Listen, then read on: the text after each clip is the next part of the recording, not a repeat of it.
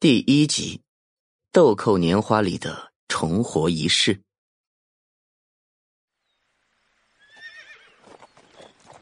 阳春三月，从灵山回京城的官道上，一辆小小的青布马车晃悠悠的行驶着。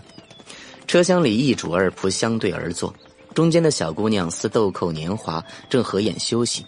小巧精致的脸上，有着这个年龄段所特有的娇嫩。身上价值不菲的云锦，更是昭示着她身份的不同寻常。小姐，我们已经坐了很久的马车，要停下来休息一会儿吗？身边着浅蓝色衣裳的小丫头轻声问道，看向小姑娘的眼神里满是尊敬。小姑娘听到声音，颤悠悠的睁开眼睛，只是目光触及到车顶和身边的丫头时，整个人明显被惊到了一般，然后拿过马车里的面镜。果然看到了一张稚嫩的小脸。闭上眼睛，云柯脑子里残留的意识停留在菜市口刽子手的大刀朝自己挥来的那一刻，耳边响彻的是宣旨太监那高亢刺耳的声音：“云家三小姐勾结荣氏一族，意图谋反，经多方查证，证据确凿，为保江山社稷。”现废除云柯皇后之位，就地处斩。而在这之前，外祖荣氏一族早就已经被新帝楚逸轩给灭门了。楚逸轩，在脑子里挣扎片刻之后，云柯猛地睁开眼睛，耀眼的杏眸里满是痛苦。他记起来了。前世所有的事情，幕后黑手就是她尽心尽力扶持的丈夫楚逸轩，也正是他楚逸轩灭了他外族一家，更是亲口要了他的性命。这一切都是他亲自体验过的，可为什么他此时依旧还活着？见云柯似乎有些出神，韩月很是关切：“啊，小姐，你没事吧？我们马上就要到京城了。”巧云娘和云裳小姐派人送来口信，说是已经收拾好院子，只待小姐您安心到府，就可以好好的休息了。巧姨娘和云裳送信来。十二岁那年，外祖父五十岁生日前夕，曾送信来灵山，说希望能见他一面。他禀明师傅后，便从灵山回了京城。当时在路上接到府里巧姨娘和庶妹云裳的书信。他当时还颇为感动，认为他们是诚心欢迎他的归来。可后来发生了什么？他的好叔妹云裳，早在他不知道的时候，就已经跟楚逸轩勾搭上了。同样身为荣家的子嗣，云裳更是背着他，将荣氏一族卖了个彻底。楚逸轩数次当着他的面，毫无保留的夸赞云裳。更是直言，云商比他更有一国之母的风仪。不过，比起后位被废、荣府遭难那天，满天的鲜血直接染红了他的双眼。哪怕是到了现在，他依旧能感觉自己整个人都在颤抖。而这一切，都是楚逸轩和云商造成的。闭上双眼，唉。老天似乎是想让他重活一世，他定然不能让自己和外祖母一家重蹈覆辙。那些得罪过、伤害过他的人，他也一定会亲手向他们讨要回来。相比于韩月的乐观，姐姐韩秋则是明显多了几分担忧。小姐，你自小便去了灵山。侯府的一切都不太熟悉，此番回府还是需要谨慎为妙。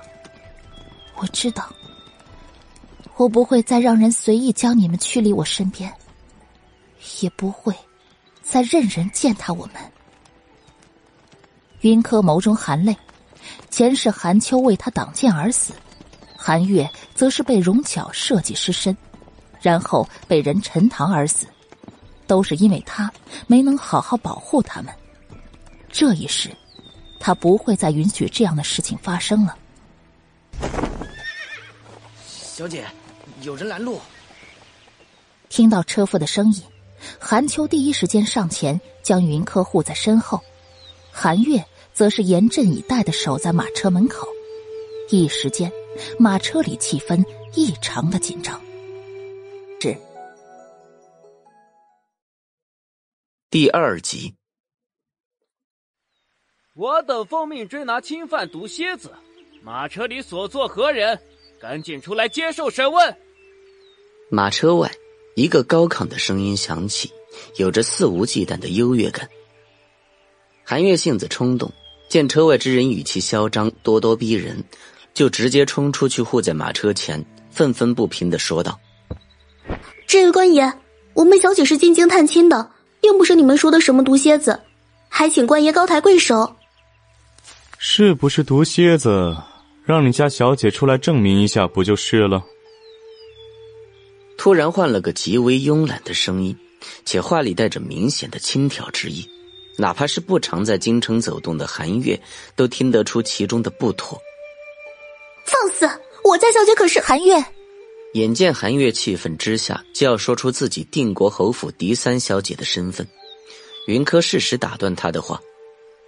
韩月跟在云柯身边十来年，自是明白他这番意思的，打消了自报家门的念头，但想着自家小姐被这几个没轻没重的人羞辱，依旧是义愤填膺。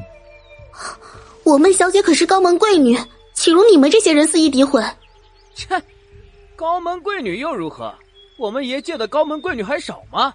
别想转移话题，赶紧叫你们家小姐出来，我们忙着呢。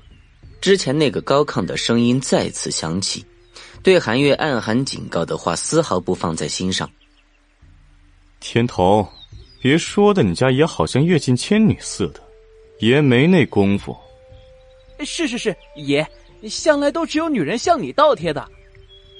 车外主仆插科打诨。车内云柯敛眉不语，撩起车帘打量马车外的拦路虎，只见三人三骑，为首之人一袭深紫色锦袍，整个人懒洋洋的坐在枣红色大马上，眸光里带着明显的桀骜，一张毫无瑕疵的脸让女人都自叹不如。哪怕是隔着远远的距离，可云柯轻易的感受到他身上那无形的压力。怎么会是他呢？三王爷楚天阙，京城里有名的混世魔王，行事毫无章法可循。可这样的他却深受皇宠，皇上对于他的很多做法都是睁一只眼闭一只眼。也正是有了皇上的态度在，楚天阙在大楚朝简直是横着走。也难怪他的随从说话都是如此目中无人了。的确，以楚天阙的身份，见过的高门贵女犹如过江之鲫。云柯细细回忆着前世，车外楚天阙的声音又响了起来：“爷的时间有限，再不出来，可就别怪爷不客气了。”从云柯的角度看去，正好看到楚天阙眼里暗涌翻腾，神情似很是不悦。车外的寒月顶不住他身上散发出来的寒意，轻声询问：“接下来要怎么办？”前世。他刚回京城，就听人说，六皇子楚逸轩因抓获侵犯毒蝎子，所以受到了皇上的赏赐。也是经此一事，楚逸轩在朝中的呼声开始慢慢赶超楚天阙。那么也就是说，有关毒蝎子的下落，楚逸轩此时肯定也是在寻找的。这样大好的机会，可不能让楚逸轩轻易得到。怎么着？也得让楚天阙从中阻拦一番。如果能让楚天阙得了毒蝎子，就更好。云柯拢在云袖里的手指轻轻掐算，脑子飞速的转动着。见马车里迟迟没有动静，楚天阙等得有些不耐烦了，直接下令：“拿下！”随着楚天阙的一声令下，他身边的天童、天卓便飞身朝马车袭来。车夫原本就只是灵山下普通的人家，见此情形，早就溜得远远的。韩月、韩秋上前迎战，楚天却策马奔向云柯所在的马车。至君言讲故事第三集。察觉到楚天阙靠近马车，韩月、韩秋心下一急，想回来救主，却被天卓、天童给拦截住，四人厮杀在一起。车帘被撩起一角，楚天却尚未看清车内坐着的人，便听到一个极为干净纯粹的声音响起：“毒蝎子生性狡猾，善伪装，且喜独来独往。往昔十里地的蝴蝶谷呢，地势易守难攻，鲜有人迹。”便于隐藏啊！如果我是三王爷的话，定会派人前去一探的。楚天阙的手一愣，随即继续将车帘直接掀开，见到一张娇嫩淡定的小脸。小姑娘长得很漂亮，五官精致，如今年岁虽小，就可见绝色风姿，可以预见未来定是倾国倾城的美人。不过这并不是让楚天阙觉得吃惊的地方。让他诧异的是，小姑娘此时正静静的看着他，神态中既无忐忑，也无巴结讨好，只是在叙说一个极为简单的事实。简单的几句话，既点出了毒蝎子的习性，又表明了自己并非毒蝎子的事实。楚天却总觉得自己似乎还忽略了一个事情，略一思索，问道：“你认识我？”三王爷美名家喻户晓。小女自有耳闻，云柯眼里暗光流动，微低着头，脸上极为凑巧的出现了一抹可疑的红晕，来证明自己所言非虚。前世他见过楚天阙数次，每次他的身边都远远的跟着不同风格的少女。楚天阙嘴角抽了抽，他自己什么名声他会不知道？眼前的小姑娘虽然说是娇羞无限，可她刚才低头的那刹那，他看到她的眼底清澈无波，怎么都不像是对她有所爱慕，所以才会关注她的人。刚刚你的丫头说你是高门贵女，你到底是哪家的姑娘？我是哪家姑娘并不重要啊，重要的是，如果我没猜错的话，六王爷的人马此时正在赶往蝴蝶谷的路上。云柯低头说的云淡风轻，他似乎一点也不在意刚才楚天却把他当成了侵犯。不仅如此，他还好心的告诉楚天阙更多的内幕。哼，本王为什么要信你的话？如果你只是想以这样的方式来吸引本王注意的话，那你的确是成功了一半。楚天阙邪魅一笑，目光从云柯的胸前一扫而过。小姑娘看起来年纪尚小，可身体发育倒是极佳。察觉到他的目光，云柯脸上似有些发烫，恶狠狠的瞪了他一眼，却见对方正挑眉邪笑，并不觉得自己刚刚的举动过分。那王爷要如何才能相信小女并不是毒蝎子？云柯咬牙问道：“这个男人太过可怕了。”哪怕嘴角依旧挂着邪笑，可那笑意分明没有到达眼底。正因为毒蝎子善伪装，所以并没有人知道他的真实面目，更是难以捕捉他的行踪。你自称是深闺贵女，若不是跟毒蝎子有来往，那又如何知道他极有可能藏在蝴蝶谷里？楚天阙坐在马背上，一手持缰绳。一手看似随意的放在身侧，目光幽深冰冷的看着马车里的云柯，哪怕是两人之间隔着不少的距离，云柯依旧感受到了来自楚天阙的浓浓杀意。这个男人在警告他，如果他不能替自己刚刚的说法找个合理的解释，便极有可能被他当成毒蝎子的同党处理掉。云柯惊出一身冷汗来。他刚刚大意了，突然认出他的身份来，这本就是让人惊讶的事情了。此时又事关毒蝎子和六皇子楚逸轩，如果他接下来不能替自己辩驳清楚，那么极有可能会被他拿捏在手。云柯深吸一口气，暗自按下内心的不安，恢复成宠辱不惊的模样，条理清晰的分析起来。第四集，此处离京城三十公里，三王爷亲自带人来缉拿毒蝎子，那便说明肯定是得了确切消息，确定毒蝎子会在这里出现。我们主仆几人从灵山方向来，一路上都不曾遇到过可疑人物。往昔十里的蝴蝶谷地势险峻，易守难攻，附近之人不会轻易进山的，绝对是一个非常好的藏匿之处。云柯的话轻易的点出楚天阙会来这里，肯定是有确切的消息。他从灵山过来，官道上并不曾见可疑人物，而楚天阙到现在还没有抓到毒蝎子，便说明他在来的路上也没有碰到毒蝎子。这么一来，毒蝎子极有可能早就逃往了离此处不远的蝴蝶谷。这样的说法合情合理，哪怕是楚天阙也没有办法否认云柯分析的很合理。看向小姑娘的目光里又多了几分凝重，眼里风云攒动，神色莫名，让人不知道她在想什么。云柯见他沉默不语，便又接着说道：“世人皆知，三王爷深受皇上喜爱，在大楚朝和京城都有着极高的呼声。六王爷是成年皇子中最有能力与三王爷竞争的人，皇上对毒蝎子势在必得。”若能第一时间将其擒拿归案，定是大功一件。如此头等大事，六王爷又岂不全力以赴？这便是解释他为何会知道六王爷楚怡轩也会在赶来的路上了。担心再被楚天阙捉住把柄，云柯说的理由都是众所周知的事实。楚天阙静静的看着云柯。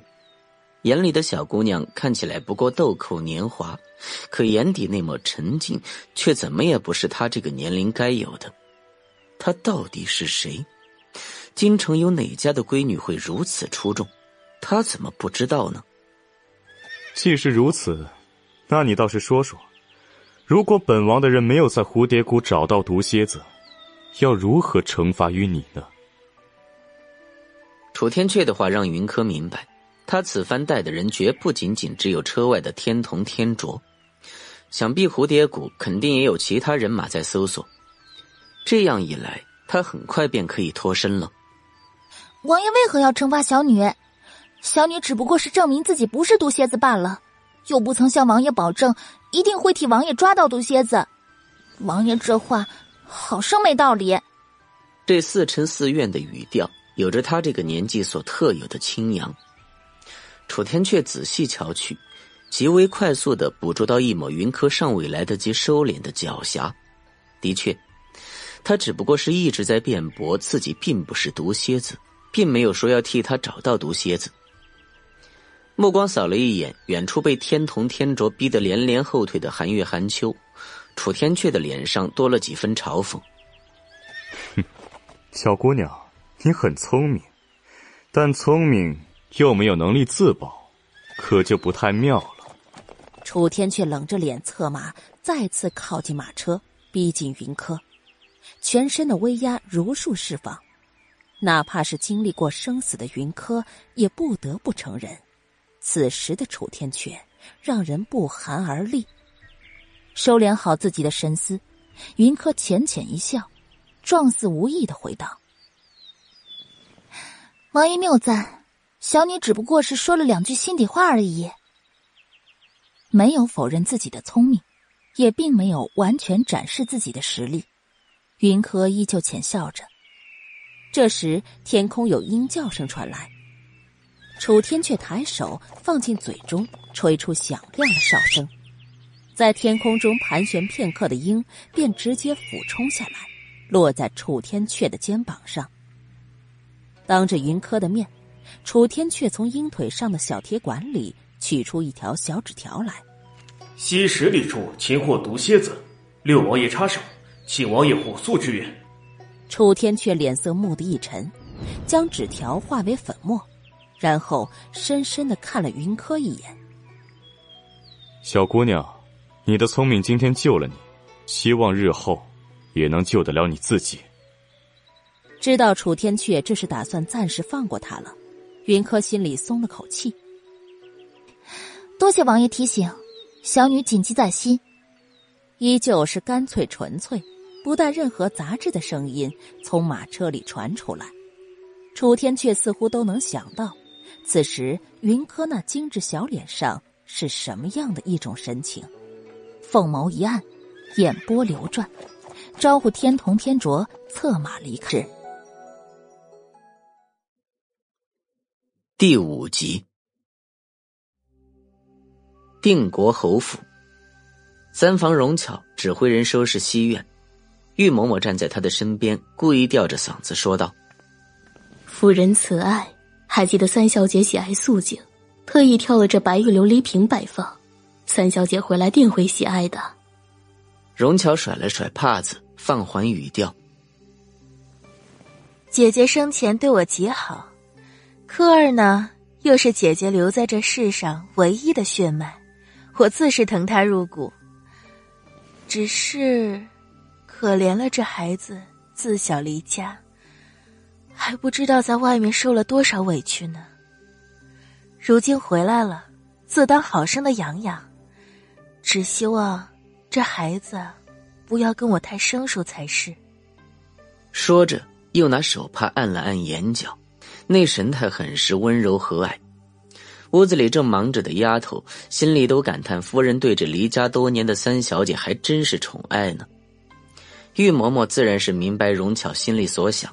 当即便接过话，继续说道：“三小姐会理解夫人心意的。”恰在这时，有小厮来报：“夫人，三小姐回府了。”呀，科儿回来了！你们还愣着做什么？还不赶紧去迎接三小姐？荣巧略有些手忙脚乱，招呼着玉嬷嬷前去迎接，却又听小厮断断续续的禀报。可是三小姐她这直接去了锦院儿，你们可是没有向三小姐说明，夫人给她安排了西院。玉嬷嬷见荣巧面色突然冷了下来，眼神有些不和善的看向小厮，小厮脖子一缩，担心夫人会责怪他办事不力，赶紧替自己申辩。小的说了，可是三小姐说啊，她只住得惯锦院儿。这下，荣巧的脸再也绷不住了，阴沉的可怕。玉嬷嬷挥手示意小厮退下，然后又向屋子里忙碌的丫头们使了个眼色，丫头们缩着头纷纷离开。夫人，三小姐她年少不懂事，我们，哼，没教养的野种就是这样。老爷到哪儿了？老爷应该刚回来。玉嬷嬷低眉顺眼的回答，面上看不出任何表情。荣巧轻哼一声，眼里的阴冷让人害怕。玉嬷嬷常年跟在他身边，自是明白他这副模样代表着什么，但此时也不敢多言。回了三爷云玉的所在后，便也不再说话了。锦院是云柯生母云黛的院子。前世云柯回到定国侯府后，便听从荣巧安排住进了西院。他也曾怀疑过西院的偏僻，但荣巧说他喜好清静，西院利于他清修。他看不清荣巧的真面目，以为荣巧真是为他好。可事实上，荣巧早就打了锦院的主意。在定国侯府。每一房的主母居处都是有一定规格和代表意义的。三房主母早逝，唯一的嫡女又自小前往灵山，所以锦院便一直空着。他回府后，荣巧利用他的好感与信任，以主母之姿住进了锦院，可谓是司马昭之心，路人皆知。可怜他前世却是眼瞎，一直没有看清荣巧的阴谋。重来一世，云柯决定不会再给荣巧丝毫机会来染指锦院。小姐，听说巧姨娘替你收拾好了西院，我们刚回来，这样会不会得罪她啊？你可是也跟韩月一样的认为？是君言讲故事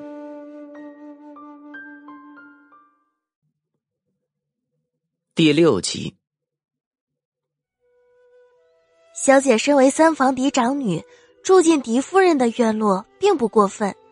奴婢认为，小姐此举并无不妥，相反，此举可以震慑巧姨娘，让她明白您并不是软弱可欺的。韩秋的话让韩月浑身一抖，是他想差了，只想着不给小姐惹来麻烦，却忘了世人皆是欺软怕硬。这小姐才刚回来，如果姿态放得极低，只怕会让人以为太好欺负。小姐，奴婢知错了，请小姐责罚。韩月低头虚心请罪。云柯终于收回了自己的目光，转身背对着韩秋、韩月姐妹两个，悠悠的说道：“该来的总会来，哪怕是放低姿态，也并不能避开那些算计。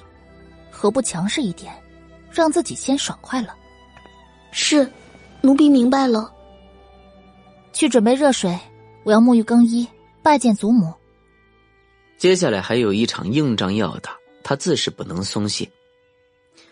祖母骆氏住在福寿堂，云柯带着韩秋、韩月来到福寿堂，见正房外张嬷嬷正吩咐小丫头说些什么。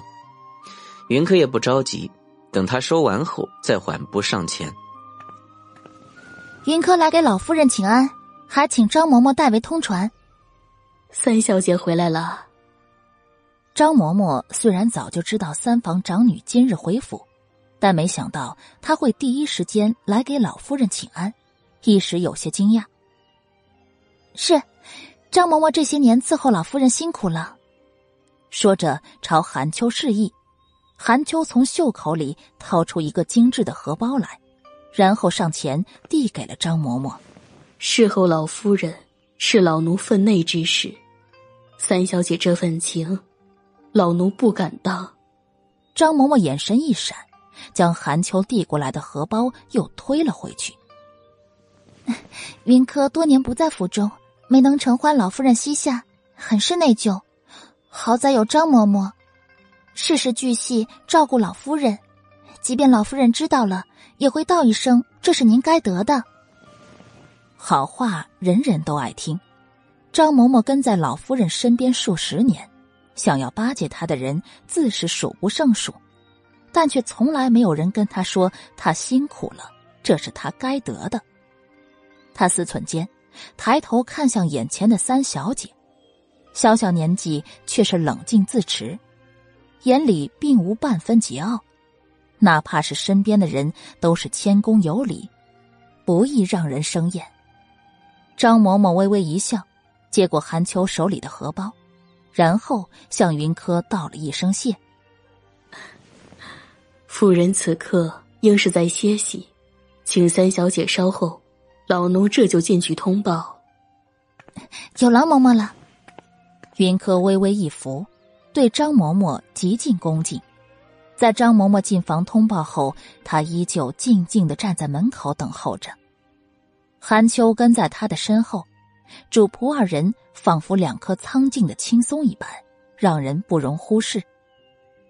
屋内。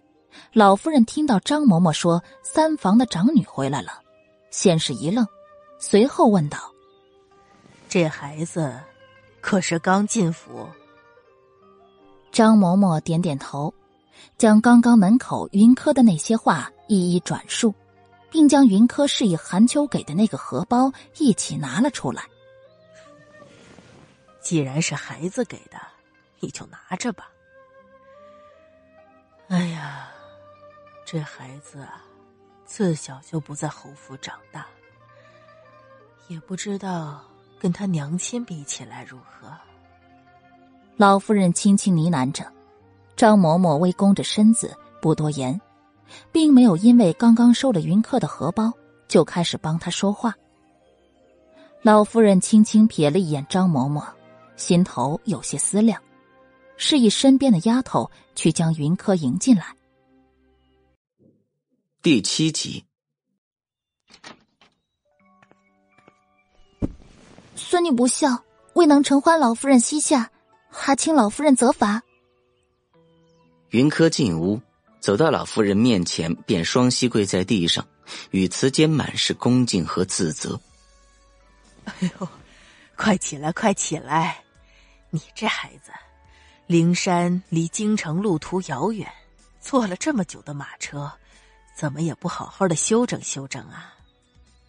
老夫人示意张嬷嬷将云柯扶起来，然后仔细打量了一番眼前的云柯。云柯也不着急，任由老夫人打量。见他脸上并无不悦，然后从韩秋手里接过一个极为古朴的小木盒。孙女下山时，师傅特意交代，要孙女将这串佛珠转交给老夫人。将小木盒递到张嬷嬷的手中，然后目送着张嬷嬷将小木盒递到老夫人的面前。见老夫人缓缓打开木盒，才开始解说：这串佛珠是师祖留给师傅的，师傅极为喜爱。曾特意请了陈大师开光过的，师傅说老夫人福寿双全，佛珠与老夫人定能相得益彰。老夫人年轻时出身洛王府，更是被先帝亲封为洛阳郡主，享千户十一，自是见过好东西的。但眼前的这串佛珠，他一眼就看出绝非凡品，再加上云柯说的这些，他又岂会不明白？这佛珠。只怕是你向你师傅求来的吧？真是难为你这孩子的一片苦心了。灵山蓝衣在大楚朝是一个传奇，他不属于任何一个门派，但他的才情响彻数国。因为容代在世时曾救过蓝衣一命，所以死前嘱咐蓝衣，希望他能将孩子带去灵山休养身体。所以，云柯说的师傅便是指的蓝衣。老夫人与这蓝衣并没有太多的人情往来，她自是明白，蓝衣不可能会送她如此重要的礼物。想来，也就只有云柯这孩子，为了他这个祖母而向师傅讨要。祖母与佛有缘，师傅也是极为欣喜的。孙女讨药时，他一再的叮嘱要好好尽孝老夫人身前。云柯扬唇浅笑，既是有小女儿家的得意，又有对祖母长辈的如沐。他这话也等于是向老夫人承认，佛珠的确就是自己向师傅蓝衣讨要来的，为的是向老夫人尽孝。哎呦，蓝衣师傅是我们大楚的传奇呀，哪怕是皇上都对他礼让三分。能得到他这份厚礼，我这一生也算是圆满了。可丫头，你这份礼物我很喜欢。老夫人脸上满是喜气，很显然对云柯的礼物很满意。老夫人喜欢就好。对于老夫人这份欣喜，云柯并不意外。他这位祖母年轻时是个不服输的性子，虽贵为郡主之身，却不爱红妆，爱武装。年轻时更是跟老侯爷一起随先帝上战场，可以说这定国侯的名头里有他一半的功劳。也正因为这份荣耀，所以他对府里子孙要求极严。前世云柯自小便离府，不曾接受过他的管束。回府后，又受荣巧母女两个的挑唆，以为老夫人是故意针对于他。后来对老夫人也是能避则避，丝毫不亲近。重活一世，云柯早已想明白，整个定国侯府里，恐怕也就只有这老夫人才是最明白事理的人了。这是他刚回府，在侯府里毫无根基。自然要好好的抱住老夫人的大腿了。根据前世对老夫人的了解，知道她晚年信佛，便特意从师傅送他的玩意儿里挑出这串佛珠来。现在看来，这步棋果然是极为正确的。哎，叫我祖母吧。来，过来陪祖母一起坐。从老夫人到祖母，看似寻常。但云柯知道，这对老夫人来说，这是绝无仅有的，因为侯府里的所有的后辈都是称呼她老夫人。心里虽是千转百绕，但云柯面上却是半分不显。乖巧顺从的在老夫人身边坐下。是第八集。孙女在灵山时，常听师傅说，祖母年轻时可厉害了。如今孙女归家来，祖母，你可多给我讲讲你年轻时的英勇事迹啊！带着小女儿所特有的娇俏，云柯刻意往老夫人身边靠了靠，话语中透露着对亲情的渴望。老夫人自老侯爷去世后，便独自住在这福寿堂里，儿孙们虽然每日晨昏定省，却也是敬佩有余，亲近不足。像云柯这样娇憨的，倒是真没有过。见眼前的云柯这颇有几分无赖的模样，老夫人有些哭笑不得，点着他的额头嗔了一句：“你这泼皮性子，倒有几分像你娘亲那时候。”提到那从未谋面的娘亲，云柯脸上有着明显的落寞。祖母，娘亲是不是很喜欢紫荆花？因为我看景院此花甚多，漂亮极了。是啊，你娘亲呐，可喜欢紫荆花了。说是紫荆花寓一家阖家欢乐。你娘啊，来我们侯府那一年，整个侯府也的确是欢乐融洽。紫荆花开的锦院。还真是个处令人欢愉的地方呢。唉，只可惜呀。见老夫人神情似乎有些伤感，云柯将手轻轻的附在她的手上，柔柔的安慰道：“祖母不要伤感，想必娘亲泉下有知，也是不希望您难受的。如今孙女在，一定替娘亲多多陪伴祖母。”你是个懂事儿的，给祖母说说你在灵山的趣事儿吧。云柯从善如流，故意挑了一些蓝衣教他学本事的趣事来说。祖孙两个气氛融洽之时，却听到屋外传来吵闹声，来不及等屋外的丫头通报，就见三爷云玉正气愤的大步走来，他的身边荣巧正亦步亦趋的跟着。眼眶红红的，一看就知道刚刚是哭过的。老夫人脸上的笑意，在见到荣巧脸上明显的泪痕时，突然敛了去。云玉很怕这个母亲，见她此时虎下脸来，本能的就想后退，可是触碰到荣巧的身体，退无可退，便只能壮着胆子往前几步。娘，云柯这孽畜太过分了。巧儿好歹也是他的长辈，他怎么如此的目无尊长？我云玉怎么会有如此大逆不道的女儿？真真是气煞我也！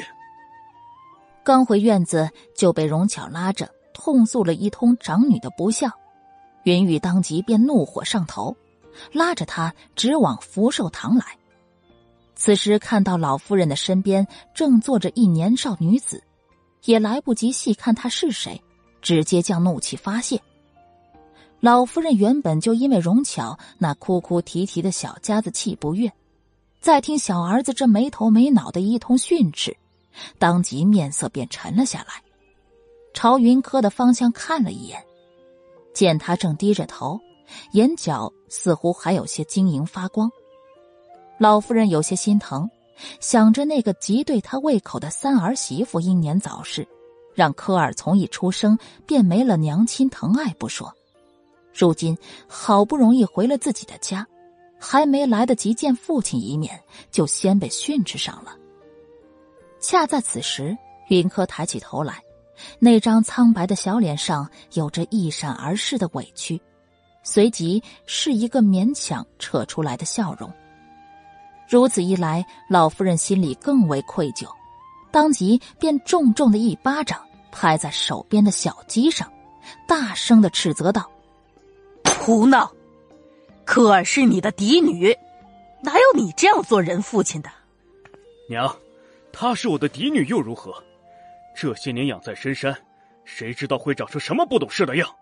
是君言讲故事。第九集，要不是云柯突然回府，云玉还真就忘记自己还有这么个嫡女的事情。在他的眼中，商儿就是他的嫡女。老夫人被云玉的话气得不轻，云柯赶紧将老夫人手边的茶水递给她，然后替她轻轻抚着背。见老夫人终于是顺过气来了，他才上前几步，然后轻声说道。女儿十年未归，父亲都不认识女儿了呢。平淡不含任何感情的声音。云柯微低着头，状似委屈的呢喃了一声。云玉却是像被人猛猛的敲了一棍子，略一后退两步，有些不敢置信的确认：“你就是云柯？是，我就是云柯。”这十年，女儿跟在蓝衣师傅身边，师傅博学多闻，教会女儿很多东西，所以父亲不用担心女儿十年未归会给侯府丢脸。云柯冷笑一声，他的确是十年未归，但却不是养在深山成了村姑。相反，他的启蒙老师是蓝衣，他并不比任何人逊色。云玉又岂会不知道蓝衣的名头？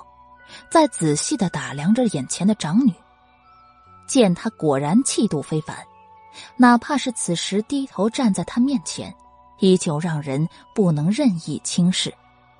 明明只是一句话，但云玉就是觉得自己被人重重的甩了一巴掌。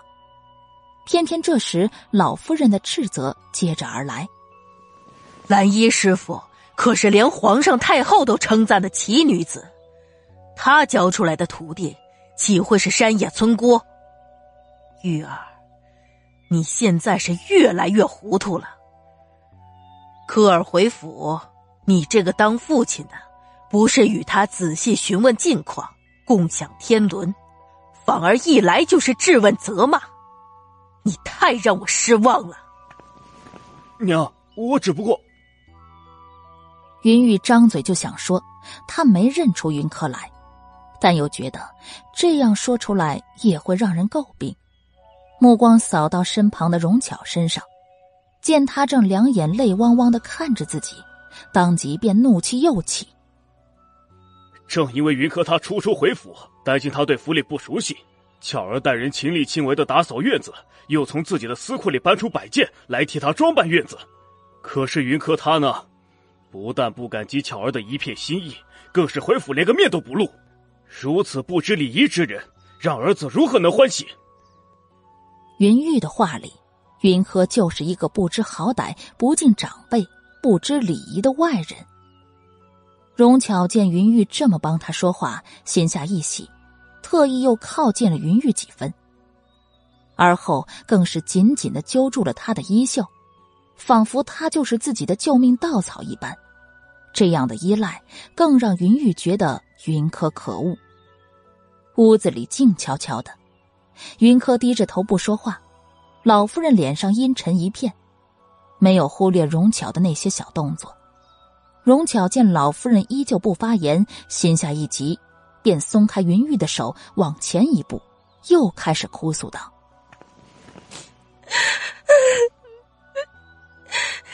妾身自嫁进侯府来。”时刻没有忘记自己的身份。当年，当年姐姐对妾身如亲生姐妹一般，妾身念着姐姐的情谊，想投桃报李。那些那些给三小姐布置院子的摆件，可是妾身的嫁妆里挑出来的。可是没想到啊！三小姐，三小姐似乎对妾身有些误会，连多看一眼都不愿意。妾身，妾身心里很难受啊！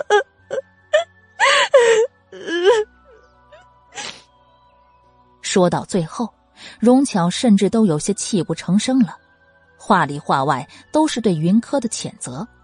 云玉更是瞪了云柯一眼。然后重重的哼了一声。云柯面上一冷，对于云玉这个亲爹，他向来是不抱希望的，但也没有想到他会混账到如此的地步。前世他被荣巧母女哄骗，总以为是因为自己不够优秀、性子孤僻的原因，所以才会让云玉不喜他。可是现在看来，是云玉心里原本就没有他这个女儿。即使如此，他又何必要客气呢？第十集。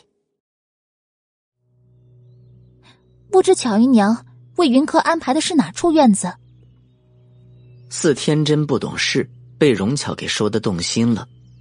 云柯轻轻发问，果然见荣巧收住哭声，然后极为得意的回答：“是西院妾身想着，三小姐自小在灵山长大，定是喜欢清静之处。三房就属西院最为安静。”所以将西院打扫出来，让三小姐居住，会有利于三小姐的清修。好一个清修！他只是跟着师傅修养身子，又不是带法修行。前世他被安排在西院，身边除了丫头，府里的人根本就不会经过。这样一来，原本就不爱说话的他，性子就更加孤僻了，像是不知道西院在何处一般。云柯直接转向老夫人，面上带着这个年纪所特有的天真。那西院不知道在何处，离祖母的福寿堂可近呢？孙女还想听祖母讲故事呢。老夫人自然是知道西院在何处的，锦院是离福寿堂最近的院子，而西院，则是定国侯府最西边的地方，平时就连下人一般都不会主动经过的。老夫人的目光有些不善，她阴沉的扫了一眼荣巧，见他正替云玉递眼色，看不得他这不入流的小动作，老夫人将手中的茶杯重重的放到小鸡上。哼，真当是我死了不成？堂堂嫡女，竟然住的那么偏僻，我老婆子以后想见孙女了，还要等上半天不成？锦院是柯儿他娘亲的院子，日后就让他住那儿了。没有任何商量的余地，事情就这样定下来了。荣巧没想到老夫人会这么说，眼眶更红了，泪水似乎又要夺眶而出，伸手拉了拉云玉的衣角。娘，锦月你既然想让云柯住，那就让他住进去吧。只是巧儿嫁进我们侯府数十年。没有功劳也有苦劳，如今三房没有主母加持，总是有些不妥的。我看不如找个日子将他给扶正了吧，正好云柯也回来了，就当个见证。云玉说的极为随意，仿佛这就是天经地义的事情。云柯却是突然沉下脸来，在没人看到的角度，他目光森冷的扫了一眼荣巧。云玉是不可能有这样心思的。这个主意很明显就是荣巧想出来的。在他到福寿堂的这短短时间里，荣巧就已经借机对云玉洗了脑，果然是个有手段的。不仅如此，更是个心思歹毒的。大楚朝妾室扶正是有讲究的，必须要经过嫡子嫡女的协助才能进入族谱。前世他就是因为被荣巧的虚情假意。迷了心智，所以心甘情愿的替他向祖母求了这份殊荣。重活一世，他又如何会给荣巧这样的机会？扶正，老夫人目光扫过荣巧，见他哪怕是极力忍耐，还是露了几分窃喜在脸上，当即便沉下脸来，目光落在云柯脸上时，眼眸一深，似在仔细思量。好一会儿后，才开口问道：“柯丫头，这是你们三房的事情，你如何看待啊？”他怎么看？云柯眼神一暗，他当然不会同意。前世荣巧利用他的同情和怜悯，顺利坐上三房主母之位，然后利用大将军府游走于京城贵族上层。结交了许多不明真相的世家，不但为云商赢得了良好的口碑，也为荣家二房博出了一个贤良美名。后来，楚逸轩盼外祖父一家满门抄斩，却摘出了荣家二房，并且给他们一个安国侯的爵位。这时，他不会再让荣巧有这样的好机会了。是第十一集，心里这么想着，但云柯也明白，话不能说的这么直白。主位上的老夫人年岁虽高，但却不容轻易忽视。她刚回府，表现的太过激愤，难免给人骄纵之感。略一思忖，云柯抬头看向老夫人，浅浅一笑，极尽柔顺。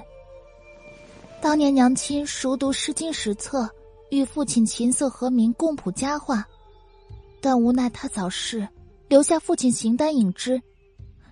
巧姨娘不在乎名分，照顾父亲多年，父亲敬她怜她，也实属应该。云柯语调缓缓，不见丝毫急躁。稍稍转身，目光一一划过荣巧和云玉，在荣巧的脸上看到了得意，云玉的脸上则满是舒畅。但下一刻，云柯话锋一转：“父亲风光霁月，素有才子之名，就连皇上也都称赞呢。世人皆知，皇上素来重视嫡出，若让他知道父亲打算将姨娘扶正，只怕……”会有损父亲高雅之名。没有人比他更清楚，云玉对自己名声的爱护。明明只不过是个半吊子的文化人，却偏偏喜欢自封风流才子，整天拿着侯府的银子，吆喝着一大群的读书人吟诗作画，附庸风雅。当今皇上原本是中宫嫡子，但因先帝曾宠信庶出子。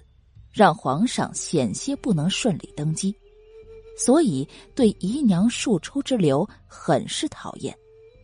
而他的话既提醒了云玉，他娘亲出身尊贵，容巧代替不了娘亲；又提醒了云玉，如果真将容巧给扶正了，不但有可能会触怒皇上，更有可能会被身边的人笑话。他就不相信这样的情况下，云玉还会要给荣巧撑腰，将他扶正。果然，他的话刚一说完，云玉就不知想到了什么，然后面色一沉，主动站离了荣巧几分。你说的没错，你娘与我那是门当户对，极为般配。巧儿虽也出自大将军府，但终究不是长房嫡出，只是巧儿这些年来。云玉似有些矛盾，经云柯提醒，他发现荣巧的二房庶出身份的确是配不上他的嫡妻之位。但想到这些年来荣巧在府里操持庶务，而且他刚刚也是满口答应的，这会子有些不知该如何才好。云柯将他的为难看在眼里，心里冷笑几分，面上不显分毫。依旧用无比轻柔的声音说道：“姨娘自小在外祖母身边长大，得他老人家教诲，性子贤良淑德，定是能理解父亲你的为难。再说，姨娘对父亲情根深重，自愿为父亲生儿育女，想来也不是贪图名分之人。姨娘，你说是吗？”云柯的话意思很简单。不但提醒荣巧荣家大房对她的恩惠，更是将她定位为痴情女子的行列。荣巧自从进得定国侯府来，便一直扮演着善解人意的角色。如果他执意为了三房主母之位争执，那便是贪图名分之人。云玉肯定对他也会改变看法的。荣巧没想到。云柯短短几句话，便让事情出现如此大的转变。哪怕他此刻心里大喊着不悦，可他也不得不挤出几分笑容来，答一声：“ 三小姐说的对，妾身只要能守在老爷身边，就已经满足了，又岂会是贪图名分之人？只是在低头行礼时，看向云柯的目光像是淬了剧毒一般，让人不寒而栗。是他小看了这个贱蹄子呀！原本以为只不过是个自小失户的野丫头罢了，现在看来，他要改变策略。他就不相信自己还捏不住一个小丫头片子。这么想着，他向云柯走近两步。三小姐虽然不是妾身亲生，但妾身一定会把三小姐当亲生看待的。姐姐在天之灵也一定会欣慰的。见容巧说的诚心，并没有不开心，云玉也放下心来。他向来就不擅长猜测女人们的心思，对于云柯这个嫡女的归来，他虽不欢迎，但也没有太多的反感。女儿嘛，长大了嫁出去就好了。荣巧扶正的事情就这么被人忽略，云玉以自己约了人赏画为由离开福寿堂。是君言讲故事第十二集。看着云玉大步的离开，荣巧险些撕烂了手里的帕子，但老夫人面前，她却不敢过多放肆。科儿。难得你这孩子想着我这把老骨头，刚一回府就来我这福寿堂请安，祖母很是欣慰啊。舟车劳顿，你且回去歇着吧。院子里缺短了什么，尽管差人来要啊。你可是三房的嫡长女，要是有人敢不长眼，尽管来告诉祖母。老夫人瞥了一眼荣巧。然后拉着云柯再三交代，既打脸之前荣巧诬告云柯不尊重他，也警告荣巧不得苛待云柯。云柯自然是听出了老夫人话里的意思，心里暖意融融，恭敬的向老人行了大礼，然后便带着韩秋走出了屋子。老夫人的话，荣巧自然是听到的，他心里气得牙痒痒。暗骂道：“云柯这个野种，到底是给死老太婆灌了什么迷汤，让死老太婆竟然这样偏袒帮衬他？”哼！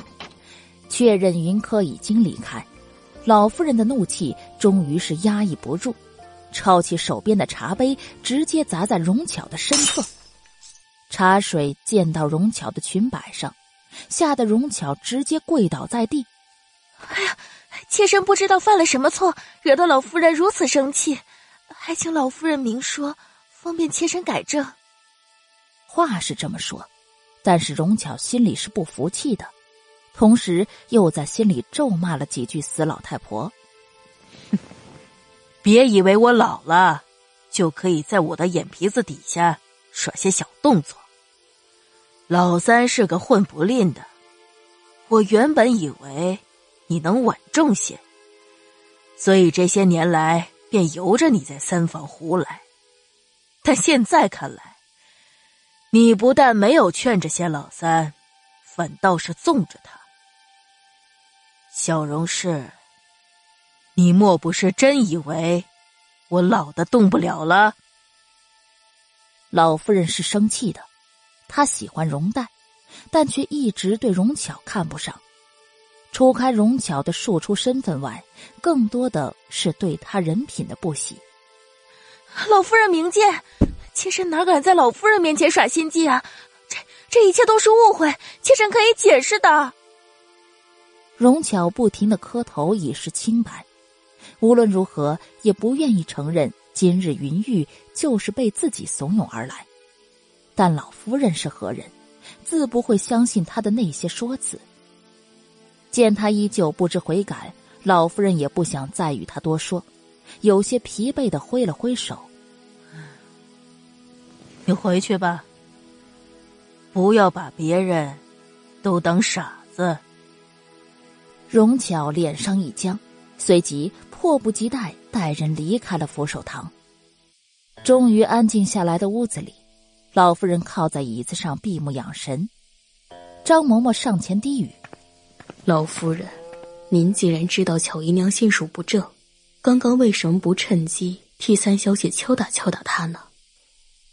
听了张嬷嬷的话，老夫人睁开眼睛，目光悠悠，半晌才开口说道：“我想看看这孩子，是不是跟他娘一样。”有七巧玲珑心，我那个三儿媳妇儿啊，终究是可惜了的。张嬷嬷听了，又看了一眼老夫人，见她面上神色难辨，倒也说不出对三小姐的初次印象是好亦或是坏。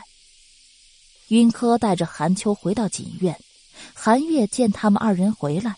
便赶紧上前来，凑近云柯身边，悄悄禀告：“小姐，就刚刚这么一会儿的功夫，院子里一个叫明月的杂草丫头就借口往院子里打他好几次了。”云柯点点头，示意韩秋将院子里所有的下人小厮都集中起来，他有话要问。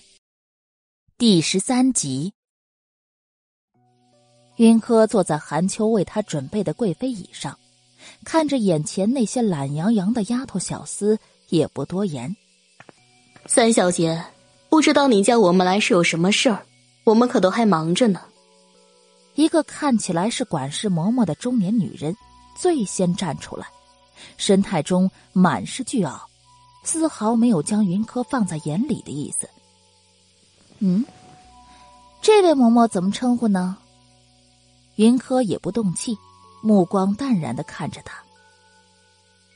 我是冯嬷嬷，是夫人当年的陪嫁嬷嬷。三小姐小时候我还抱过你呢。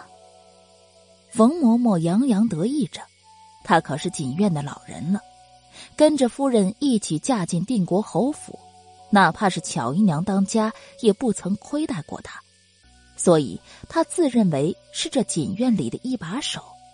哪怕是云柯，也得礼让他三分。哦，我娘的陪嫁嬷嬷呢？我记得当年好像还有位白嬷嬷的，不知她可在？云柯举目四望，并没有看到有年纪相符的另外一位嬷嬷。冯嬷嬷似乎很不愿意云柯对她视而不见，反而去提及白嬷嬷，当即便沉下脸来，很是不悦。三小姐有所不知，小姐去灵山的第二年，白氏那老刁奴竟敢在夫人的嫁妆中动手脚，被巧夫人当场抓住，便叫人打了出去。巧夫人，我爹什么时候娶继室了吗？听到冯嬷嬷居然称呼荣巧为夫人，云柯当场冷下脸来。那冯嬷嬷见云柯冷脸，也不以为意，反倒是笑着劝云柯。哼，三小姐，我说的可是荣巧夫人。这些年来，三房可全靠巧夫人打理才有今天的，老爷可离不得巧夫人呢。韩月，给我张嘴！将茶杯重重的放在桌上，一声令下，韩月直接上前，啪啪就是两巴掌，打在冯嬷嬷的脸上。荣巧只是我爹纳的一个姨娘，姨娘为妾。妾即是奴，你居然敢这样大言不惭的说我爹堂堂的定国侯嫡子，离不得一个下贱的奴才。这话要是传出去，你将我爹的脸面搁往何处？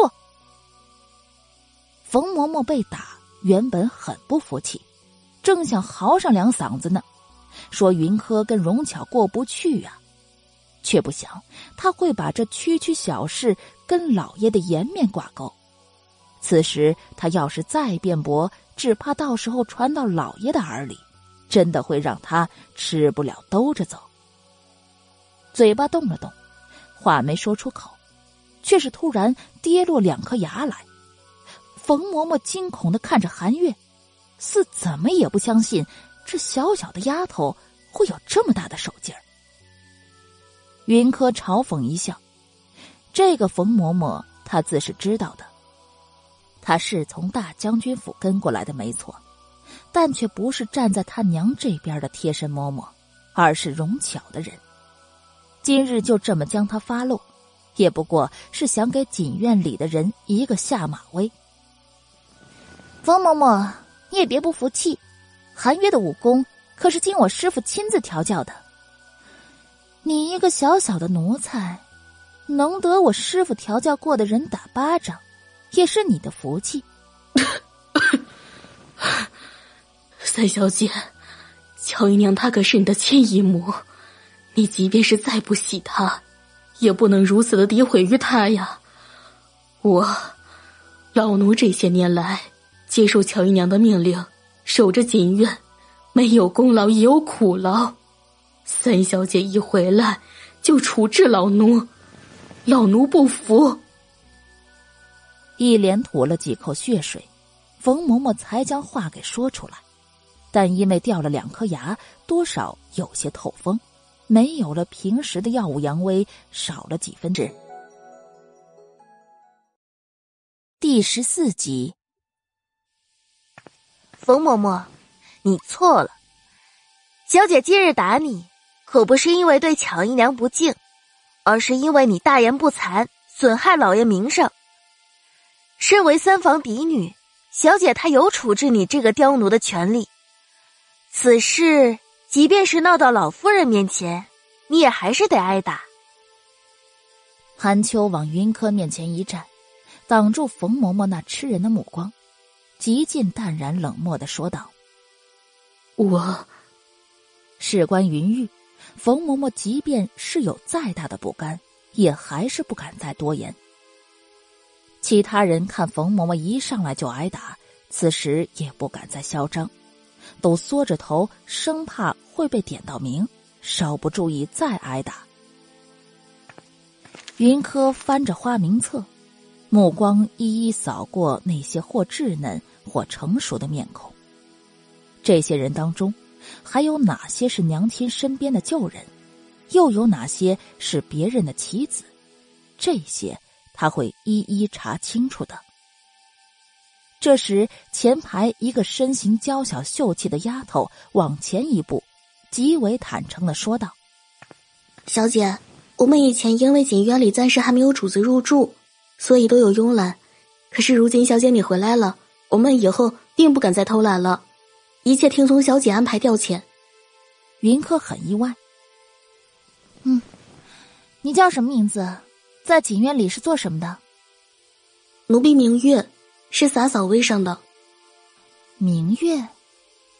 云柯看了韩月一眼，韩月朝他点了点头。之前就是这个明月，在他还没回来的时候，不停的往院子里瞅。云柯心下了然，合起花名册，招手要明月前来。嗯，倒是个伶俐的小姐。我刚回府，还有很多不太明白的地方。正需要人来为我解释疑惑。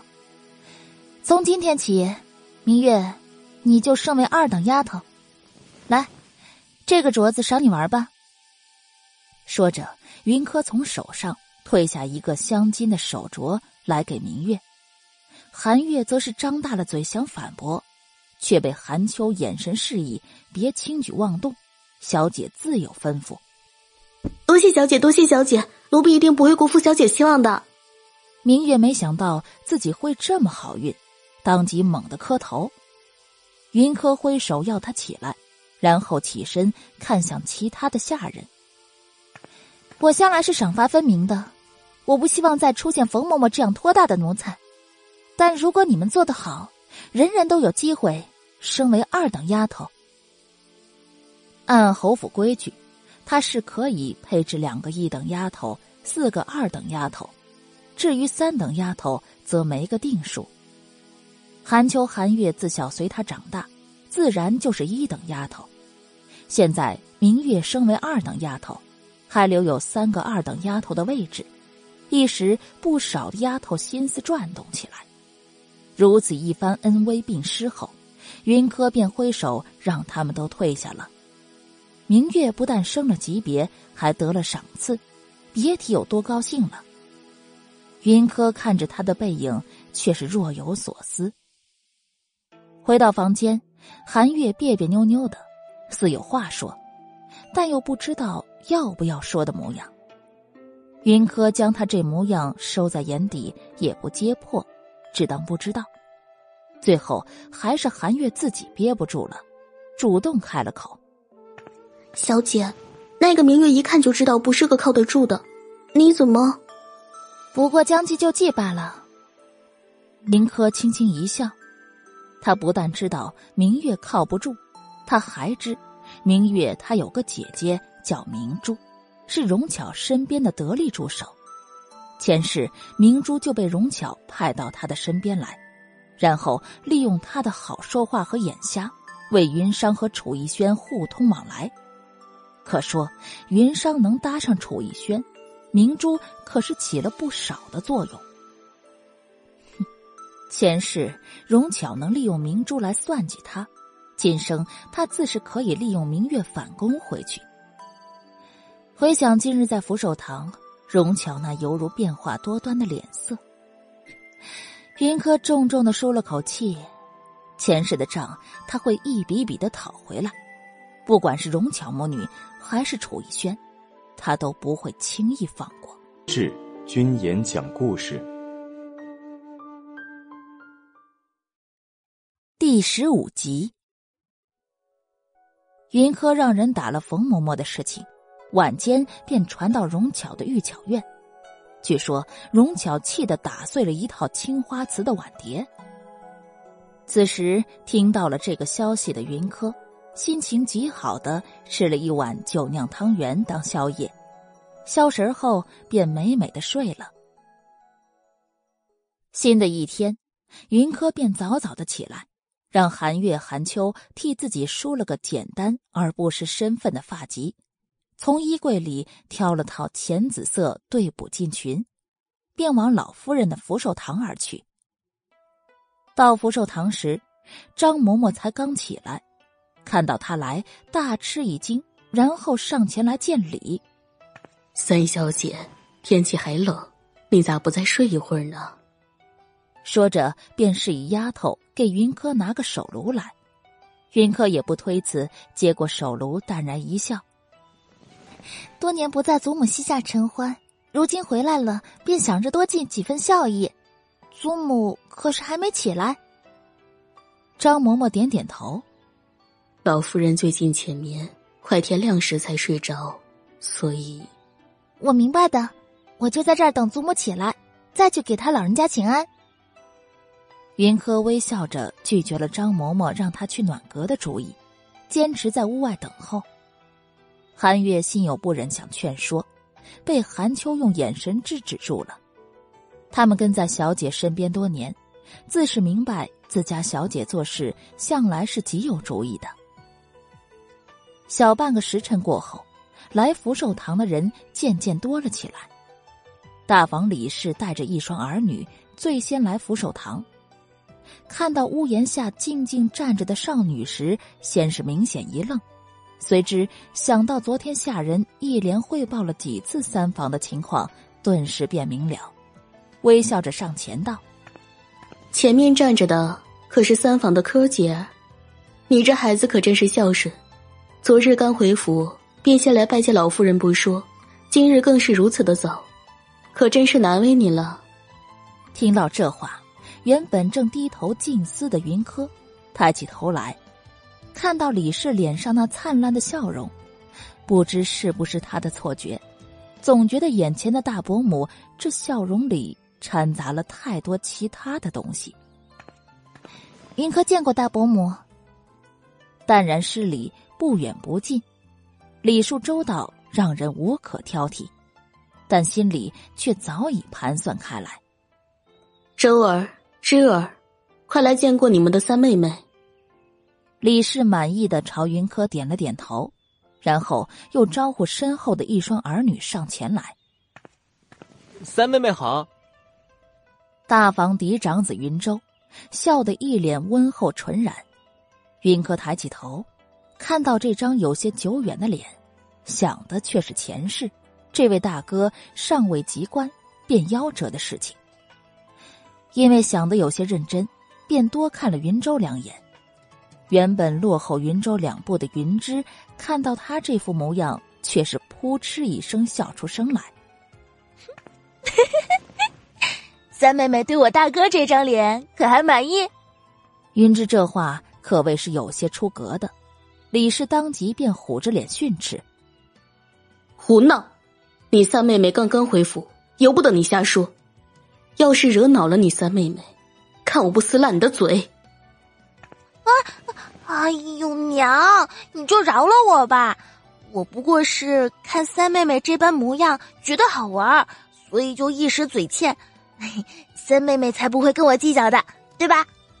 说着，便挤到云柯身边，挽着云柯的手臂，那模样极为的亲近和自然。大伯母别生气，我知道大姐姐是跟我闹着玩的。云柯轻轻柔柔的说着，但眼里暗波流转，并没有表现出来。见云柯本人都没有介意。李氏自然也就似假还真的训斥了云芝几句。这时，张嬷嬷出来，说是老夫人起来了。第十六集，进了屋子，老夫人已经梳洗妥当，正坐在主位上喝茶。见他们几人一起进来，便招呼云柯过去跟他一起坐。云柯随意的扫了一下李氏和云芝一眼，果然在他们眼里看到了团团火焰。想来平时老夫人这里不曾有谁享受过这样的待遇。云柯将李氏母女的异样看在眼里，脸上依旧淡然，朝老夫人弯腰一礼，然后才说道：“祖母体恤孙女初初回府，怕下人怠慢，因此处处点拨。” 孙女在此先谢过祖母厚爱。这番话名为感谢老夫人厚爱，实则说明老夫人只不过是因为体恤她刚回府，生母又不在，担心府里的下人们会欺负她，所以才会对她格外关注。能在深宅大院里斗智斗勇的女人，没几个是简单的。云柯很明白自己现在的处境。在没有完全料理荣巧母女之前，不宜跟大房的人结怨。果然，他的话音落下，李氏眼里的怒火明显的降下去不少。上手的老夫人像是没看到这一幕，待云柯在他身边坐下后，他拉过云柯的手，轻轻的拍了几下，嗔怪道：“你这孩子，就是这么的小心翼翼。”这是你自己的家里，你尽管放心大胆的住着。听说昨天锦院里的那些刁奴为难你了。老夫人的话一出，李氏的目光也紧紧的跟随了过来。云柯心里一凛，老夫人这话是什么意思？是想告诉他，即便是他住进了锦院，也一直在他的掌控之下。还是说，只是单纯的想要关心他，确认他不会被那些刁奴拿捏。云柯将所有的猜测在心里过了一遍，收敛住因冯嬷嬷而升起的冷意和杀气，然后恢复成温婉纯良的模样，乖巧的回答：“让祖母费心了。娘亲去世多年，我又常年在灵山养病。”景院没有主人镇着，那些奴才们多少有些骄纵了。不过祖母放心，我已经敲打过了，想来类似的事情不会再犯了。你是我们定国侯府的嫡出姑娘，以后出嫁也定是要执掌中馈的。这些事情早早的学会自己处理也是好的。谢祖母提点，孙女明白了。云柯偷偷的看了老夫人一眼，见她脸上并无不悦，于是放下心来。心里却是猜测着，是昨天韩月长了冯嬷嬷的嘴，被有心之人告到了老夫人这里，想借老夫人之手惩治于他。今天老夫人这么一说，也算是在老夫人面前过了明路，他也就不会再担心这事被人拿出来说道。你祖母说的对。你可是我们侯府的嫡姑娘，哪能被几个下贱的奴才给制住？要再敢发生这样的事情，你尽管来告诉我，我给你收拾他们去。”李氏义愤填膺的说着，那模样倒有几分要为云柯出头的意思。云柯眼神一扬，没有接话，只是笑了笑。见云柯居然不接话，李氏有些意外，顺着他的目光看到老夫人，顿时明白云柯是惧于老夫人的威仪，收敛了几分情绪。李氏再次开口：“柯姐，你有时间的话，就来大房跟你大姐姐学学琴棋书画和女红。你大姐姐可是京城有名的才女呢，可别整天待在三房学了些小家子气。”此时，云柯眉头一跳。所以，这才是李氏的目的。是。第十七集，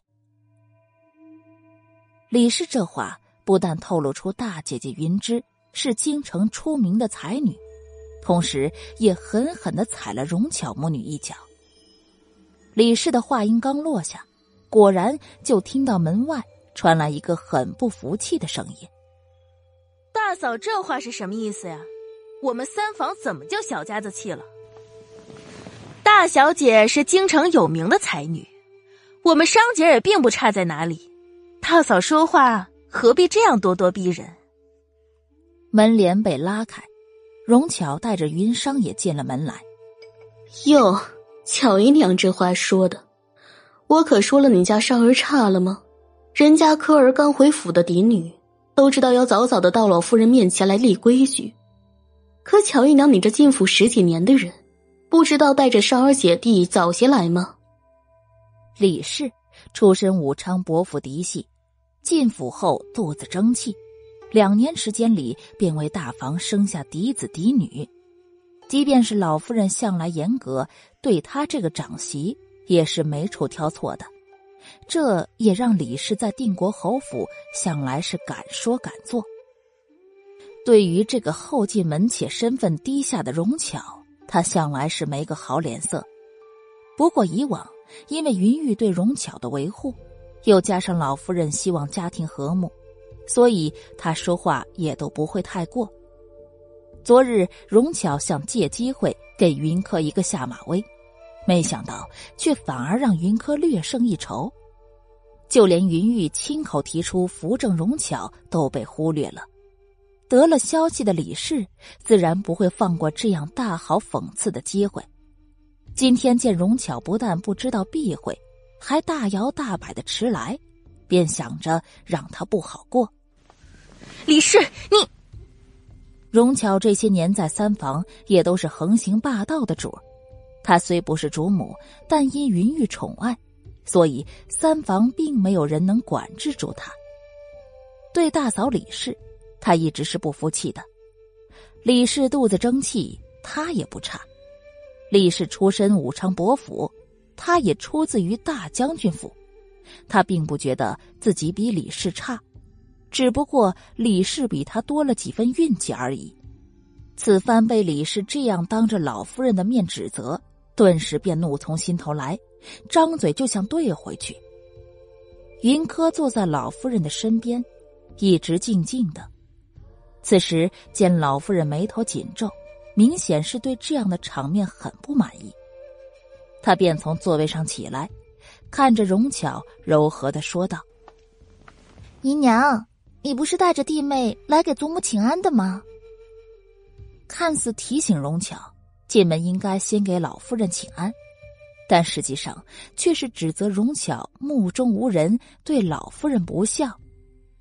荣巧是个明白人，可以说瞬间明白了云柯话里的意思，拉着云波和云商赶紧跪在老夫人面前，同时还不忘狠狠的瞪了云柯一眼。对于他的不满，云柯丝毫没放在眼里，他的目光落在云商身上。此时的云商才十一岁，不同于他自小练功拉长的身段，云商是时下流行的娇俏小巧。回想前世，他一直内敛沉静，而云裳则一直是美的明艳张扬。楚逸轩自在侯府见过他一次之后，嘴上提起他的次数便多了起来。只是他那时一直都以为，楚逸轩是爱屋及乌，因为看中他，所以才会对他的庶妹多加照顾。其实两人早在他不知道的时候就勾搭上了。拢在袖子下的食指紧紧的掐向手心。前世他被处斩时，云商曾带人在台上张扬的嘲讽，耳边响彻的也是云商那毫不遮掩的讽刺。哼，云柯，你就是个傻的，傻傻的被皇上利用，傻傻的被我娘设计。来世你变聪明点吧，不然你依旧会死无葬身之地。云生，这辈子将死无葬身之地的人是你呀！报应很快就会来的，你且等着吧。是君言讲故事第十八集。因为回忆前世，云柯身上的戾气有些倾泻。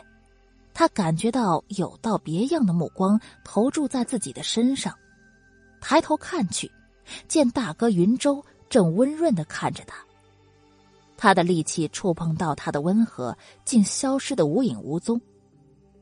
云柯愣愣的，随后便听到云商向老夫人撒娇的声音：“老夫人，您偏心，三姐姐她才回来，你就让她坐您身边。可是我们这些在您身边长大的。”就连大姐姐都没这份殊荣，生而不服。云裳仰着头，一脸的娇俏，似小女儿般得不到心爱的糖果一样不服气。但他看向云柯的眼里却满是阴冷和算计。云柯嘴角弧度轻勾，这是在挑拨吗？想挑拨云芝一起来对付他？看来云商也不是那么的一无是处嘛。只是不知道这是他自己想的，还是荣巧教的。云柯正猜想着老夫人会如何回应，倒是云芝起身走到云裳的身边，朝老夫人俯身一礼，然后温柔的说道：“老夫人别生气，珊儿妹妹小孩心性，并不是刻意针对柯儿妹妹的。”见老夫人满意的点点头。云芝才又转过身来，对云裳说道：“裳儿，柯儿妹妹她自幼在灵山长大，我们大家都不在她身边。如今她好不容易回府来，老夫人疼爱她也是应该的。不仅如此，我们姐妹更应该多陪伴她，这样才更像一家人嘛。柯儿妹妹，你说是吗？自然是的，我们姐妹和睦了，祖母她老人家也会更开心的。”云柯开心的说着，顺便又挽着老夫人的手臂蹭了蹭，那模样像极了一个高兴得意的小姑娘。在所有人没注意的时候，他朝云裳挑衅一笑：“是的，侄儿不愧是长姐，这些话说到我的心坎里了。小荣氏，你看看你，一把年纪了。”还不如两个小姑娘活得明白。回去给我好好想想，别整天一副目中无人的模样，我看得厌烦。老夫人的一番话，算是正式宣告今天的这场没有硝烟的战争，荣巧输了，而且输得极惨。李氏朝荣巧笑得得意，荣巧险些咬碎了牙龈。但其他人并没有将心思过多的放在他身上，因为老夫人又提起大将军府两日后的寿宴来。哥儿啊，你外祖父大寿，你可是想好要送什么礼物了？老夫人侧手问云柯，云柯却是神秘一笑：“祖母，你就容孙女卖个关子吧。”不过，孙女的礼物一定不会让侯府丢脸的，到时候外祖父是一定会喜欢的。云柯笑呵呵的卖关子，老夫人嗔怪的瞪了他一眼，倒也不怪罪，反而是转头叮嘱李氏：“老亲家的寿辰非同小可，到时候说不定皇室都会到场。你各方面都盯好，可别丢了我们侯府的脸面。丫头小子们的服饰、行头，叫针线防的紧着些。娘放心，这些媳妇都是知道的。芝儿和沙儿的服饰和头面都已经备好了，倒是科儿的。”因为他刚回来，还没来得及送去，等下媳妇就亲自送去。按理来说，像这样大型的宴会，云商一介庶女是不能出席的。但世人皆知荣巧出自大将军府，所以荣巧母女不但得去，而且还不能被忽视。是第十九集，你做事啊。我向来是放心的。老夫人朝李氏点点头，表示事情就这么办。李氏见老夫人面露疲色，便带头离开。云柯走在最后面，刚跨出福寿堂，就被云商给拦住了去路。云柯，你什么意思？你明明是三房的人，为什么要帮大房说话？你这样巴结大房，大房能有什么好处给你啊？我还真是替你丢脸。这才回来一天，就迫不及待的想做云芝的走狗了吗？云商昨日并不在府里，等晚上回了玉巧院时，正好碰上他娘砸青花瓷碗碟。从玉嬷嬷嘴里更是知道，云柯这贱人一回来就对他娘不孝不说，更是让人打了冯嬷嬷耳光。这在云商看来，分明就是跟他娘作对。没想到这还不够啊！今日云柯竟然还敢在老夫人面前帮大房针对他娘，这简直是不能饶恕的行为。他今天非得好好的教训教训这个贱蹄子不可。怎么，我巴结大房，没巴结巧姨娘，所以你生气了吗？人嘛，要贵有自知之明。你算什么东西？不过是个妾生的庶女罢了。有什么资格在我面前叫嚣？云柯朝韩月、韩秋使了个眼色，韩月直接将云上的丫头给无声劈晕，韩秋则是站到不远处放风。你放肆！云商自出生便被荣巧娇养着，三房由荣巧说了算，这些年来也不曾亏待过他。即便是大房的云芝，有时候也得在表面上。让他几分以示长姐风范，可今天这个刚回来的云柯竟然对他如此的无礼，云商气得直接甩手出去，想抽云柯一巴掌。只是云柯动作比他更快，啪啪两声，一左一右打在云商的脸上。云柯，你这个贱人，你竟然敢打我！云商气不过，就要冲上前来打云柯。被韩月给一把擒住，将他双手反剪在后。云柯，你个贱人，不得好死！我马上就去告诉我娘，让她知道你虐待我。此时的云商恨不得咬死云柯。原本他故意借口落了东西在扶手堂，就是要给云柯一点教训，没想到反倒让自己受了这份委屈。去啊！我倒是想知道，如果巧姨娘知道你跟你的荣家表哥私定终身的话，会如何呢？你，你怎么会知道？不对，我没有，我才没有，是云柯你污蔑我的。云商没想到云柯会突然提出荣家表哥，一时慌乱露了马脚。云柯却是冷冷一笑，他当然知道。荣家二房荣锦的长孙荣诺，过几年后便是京城里出了名的恶霸。这个时候还只是个嘴上抹了蜜的翩翩少年。荣巧为了显示自己受大将军府宠爱，隔三差五的就会回一趟大将军府。云商和荣诺没少见面。前世他曾在荣诺的身上见过一个荷包，荷包上那个小小的伤字。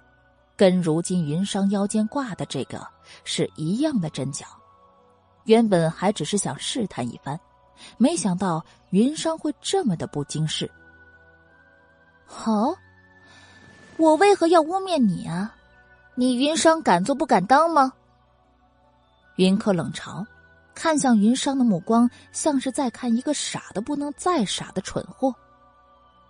云商受不得他这目光，用力的挣扎着。云柯朝韩月点了点头，云商便真的从韩月手里挣扎了出去，拔腿就跑。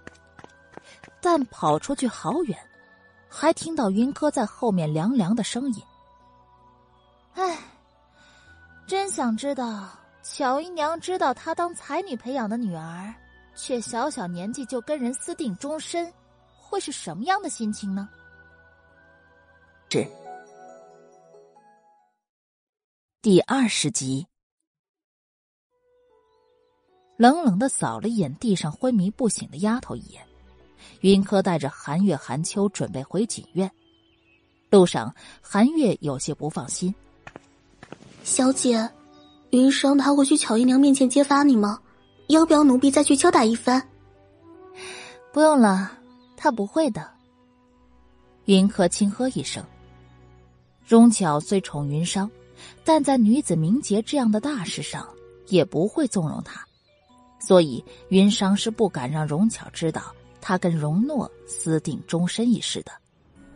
荣巧因为自己是庶女出身，连累的女儿也是庶女，一直都耿耿于怀，因此对云商的选夫标准可以说极为高，不然也不会有后来的楚逸轩了。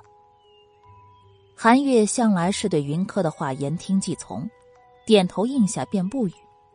主仆三人一起往锦院走去。只是快到锦院门口时，却被一道突然窜过来的身影给吓了一跳。你们抓不到我老婆子，抓不到就是抓不到！死老婆子，站住！身后，明月气喘吁吁的追着，但却始终落后于那老婆子几步远。云柯目光紧锁那道矫健的身影，眼底的疑惑很明显：锦院里什么时候有这么一号人物了？怎么回事？云柯叫住明月，那老婆子趁着明月上前回话的空当，咻的一下窜出了院子，眨眼便不见了。啊啊！小姐，你回来了！闹疯婆子速度还真是快。明月担心云柯责怪自己办事不力，第一时间将责任推到老婆子身上。云柯眉头轻皱：“啊，刚刚那人是谁？那是个疯子，留在锦院很多年了，没人知道他的来历，只知道他平时疯疯癫癫的，可能这里有问题。”明月一边说着。还一边指了指自己脑袋的位置，云柯点点头，然后往屋子里走。明月见他没有多余的话要说，便又继续去追那疯婆子了。李氏是说到做到的人，刚从福寿堂离开，便让人送来了云柯的份例：四匹绸缎和两套头面，既不出众，也不寒酸。想来云芝和云商的也都差不多。云柯让韩秋收进库房，然后便回了锦院的书房。他已经平安到达定国侯府，定是要给师傅写封信报个平安的。韩秋、韩月跟在他身边多年，知道他写字看书的时候不喜有人在身边多走动，便一边守门一边磨墨。整个锦院里非常的静谧，云柯将给蓝衣的信写好，便听到院子外有人大声说话。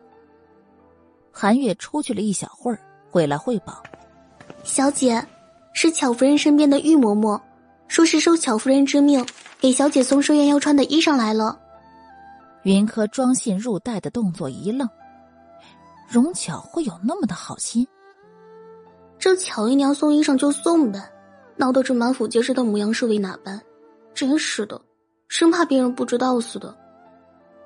韩月小声的嘀咕着，一张小脸写满嫌弃。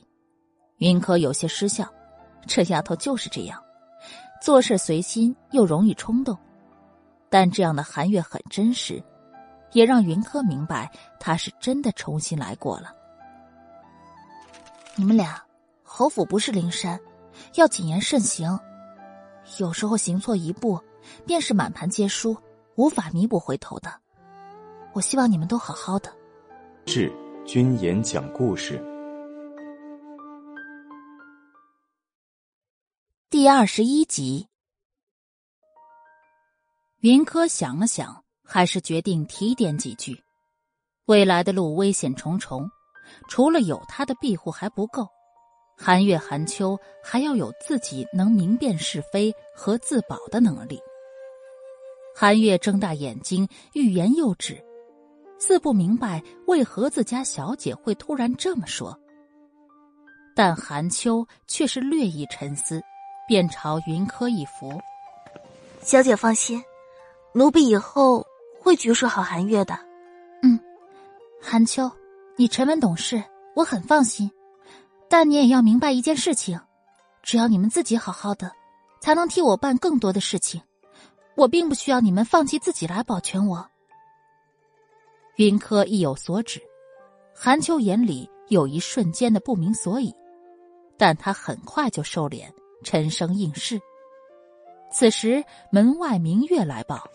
小姐，玉嬷嬷来了，说是巧夫人给您送衣裳来了呢。明月一边汇报，还一边往屋子里瞄，眉眼间的肆无忌惮，云柯自然是看在眼里，但却没有呵斥。韩月虽有不甘，但见小姐不发声，便默默忍下。走吧。云柯带着韩秋、韩月往外走，明月则情绪极高的走在最前头。那模样丝毫没有将云柯这个主子放在眼里。玉嬷嬷带着人大喇喇的站在锦院的厅堂里，见云柯跟在明月的身后走来，眼里闪过一抹明显的不屑，随即很快就收敛好。待云柯走到他的面前来了，他才稍稍欠了欠身子，行了个不算太恭敬的礼。劳烦玉嬷嬷特意跑一趟，有劳了。云柯面容淡淡的点点头，然后便在主位上坐下。韩秋、韩月一左一右的站在他身边。大将军府的寿宴极为重要，大夫人送来的绸缎也是远水解不了近渴，所以巧夫人特意从自己的私库里给三小姐挑了这套烟波琉璃裙。到时候三小姐只需穿上，定能艳压群芳的。玉嬷嬷极为得意的说着，还不忘让身边的丫鬟拿着，展示出来给云柯看。烟波琉璃裙，极为好听的名字，裙子也极为的漂亮。云柯尚未来得及说话，就听明月夸张的赞叹了一声：“哇，小姐，这裙子真的好漂亮呢！” 乔夫人对您还真是好呢。玉嬷嬷看了明月一眼，暗中朝她赞赏的点了点头，然后才看向云柯。果然见他正贪婪的看着那琉璃裙，玉嬷嬷心中不屑，但面上也恭维了一句：“这烟波琉璃裙可是巧夫人当年的嫁妆呢。巧夫人对三小姐的确是极好的，三小姐。”可不要浪费了巧夫人的一番心意才是。韩秋，给玉嬷嬷看赏，这裙子极合我心意。得了云柯的指示，韩秋上前递给玉嬷嬷一个荷包，然后又朝玉嬷嬷欠了欠身。我们小姐刚回府，还有诸多不懂的地方，劳玉嬷嬷在巧姨娘面前多多美言。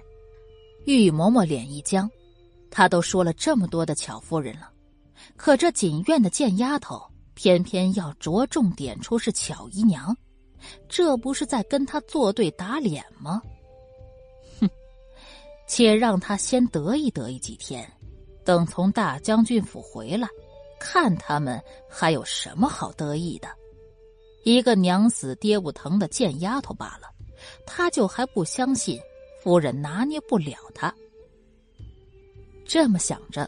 玉嬷嬷心里又平静下来，面上谦逊几句，然后便带着人趾高气扬的离开了。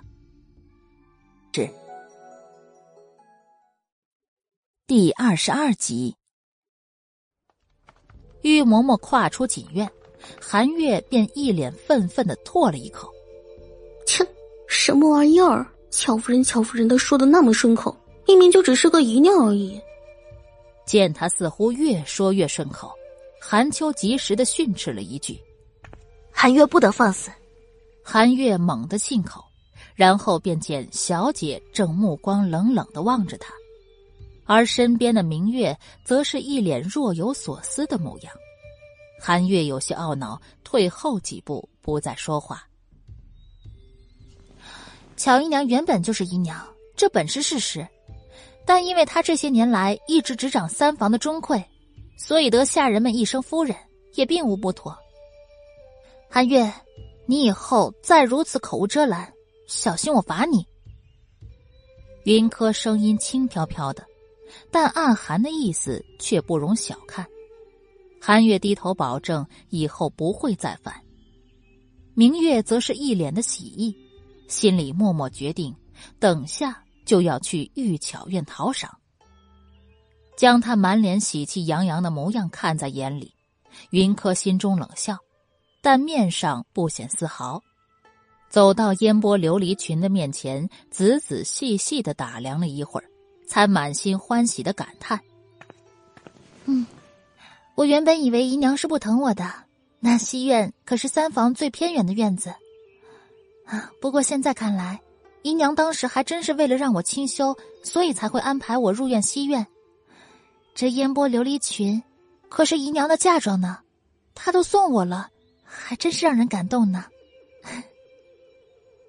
云柯说这话时是背着明月的，声音轻轻柔柔，但是眼里的阴霾却是越积越厚。无事献殷勤，非奸即盗。他可不认为荣巧会那么好心的让他在外祖父的寿宴上让他大出风头抢云商的光芒。身后的明月并没有看到云柯的表情，以为他是真心感动巧夫人的赏赐的，当即上前两句接过话头说道：“可不是嘛，夫人是最体恤人的了。想着小姐你刚回府，肯定是准备不够充分。”云柯袖中的手指突然一僵，但随即又松开，转过身来，脸上恰到好处的带上了几分欣喜。明月，你说的对，韩秋，你赶紧把这烟波琉璃裙收好，放到我屋子里去。主仆二人交换了一个彼此都懂的眼神，韩秋便小心翼翼的将装着裙子的托盘搬进了内室。云柯以身子乏了，需要休息为由，打发了明月，又吩咐韩月注意明月的去向，确认他第一时间去了玉巧院。云柯直接冷下脸来，转头问韩秋道：“可有发现这烟波琉璃裙的不妥？”韩秋面上有些难看，摇摇头：“我测试过了，衣裳上并无染毒。”荣巧不可能这么好心，今日送这烟波琉璃裙来，必定是有着不可告人秘密的。云柯敛眉不语，韩秋同他一起跟在师傅身边，医毒皆有研究，可现在却是检查不出烟波琉璃裙的不妥。难道说荣巧并没有在烟波琉璃裙上动手脚吗？云柯不相信，荣巧从来都不是无的放矢。可究竟是哪个环节出了错呢？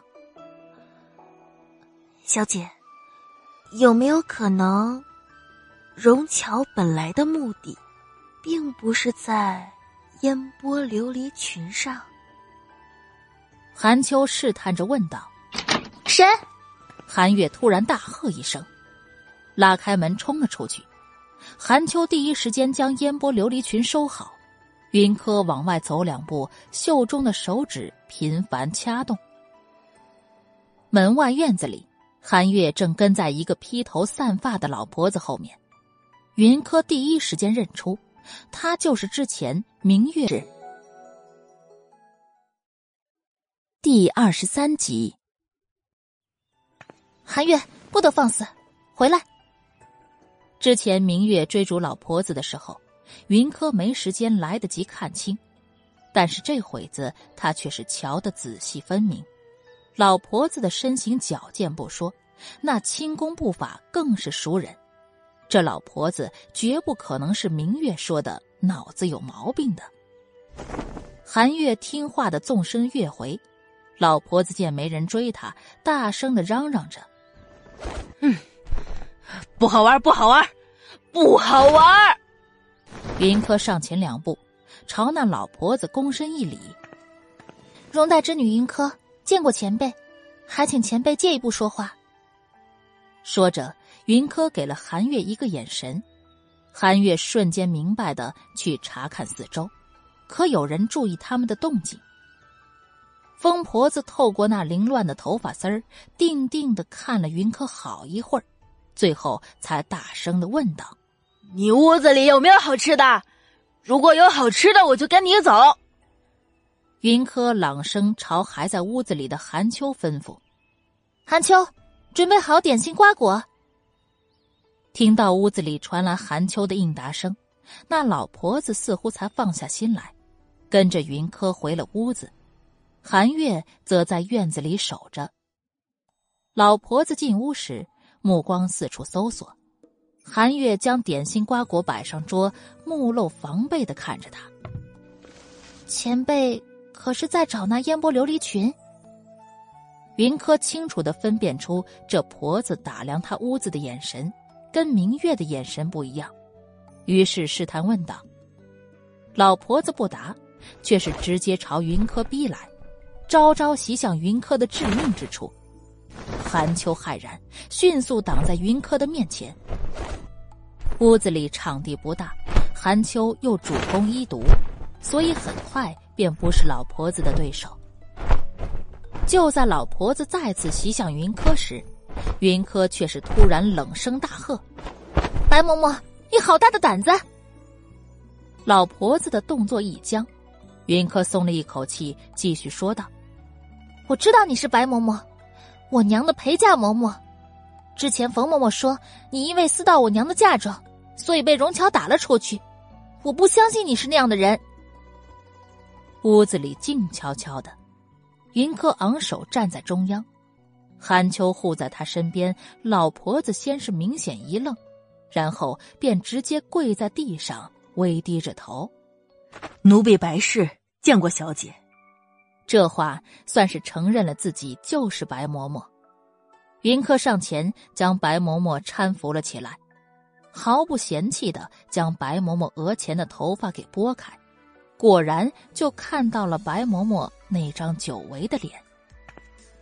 见云柯认出自己，白嬷嬷老泪纵横，但却不忘问上一句：“小姐如何肯定是奴婢的？”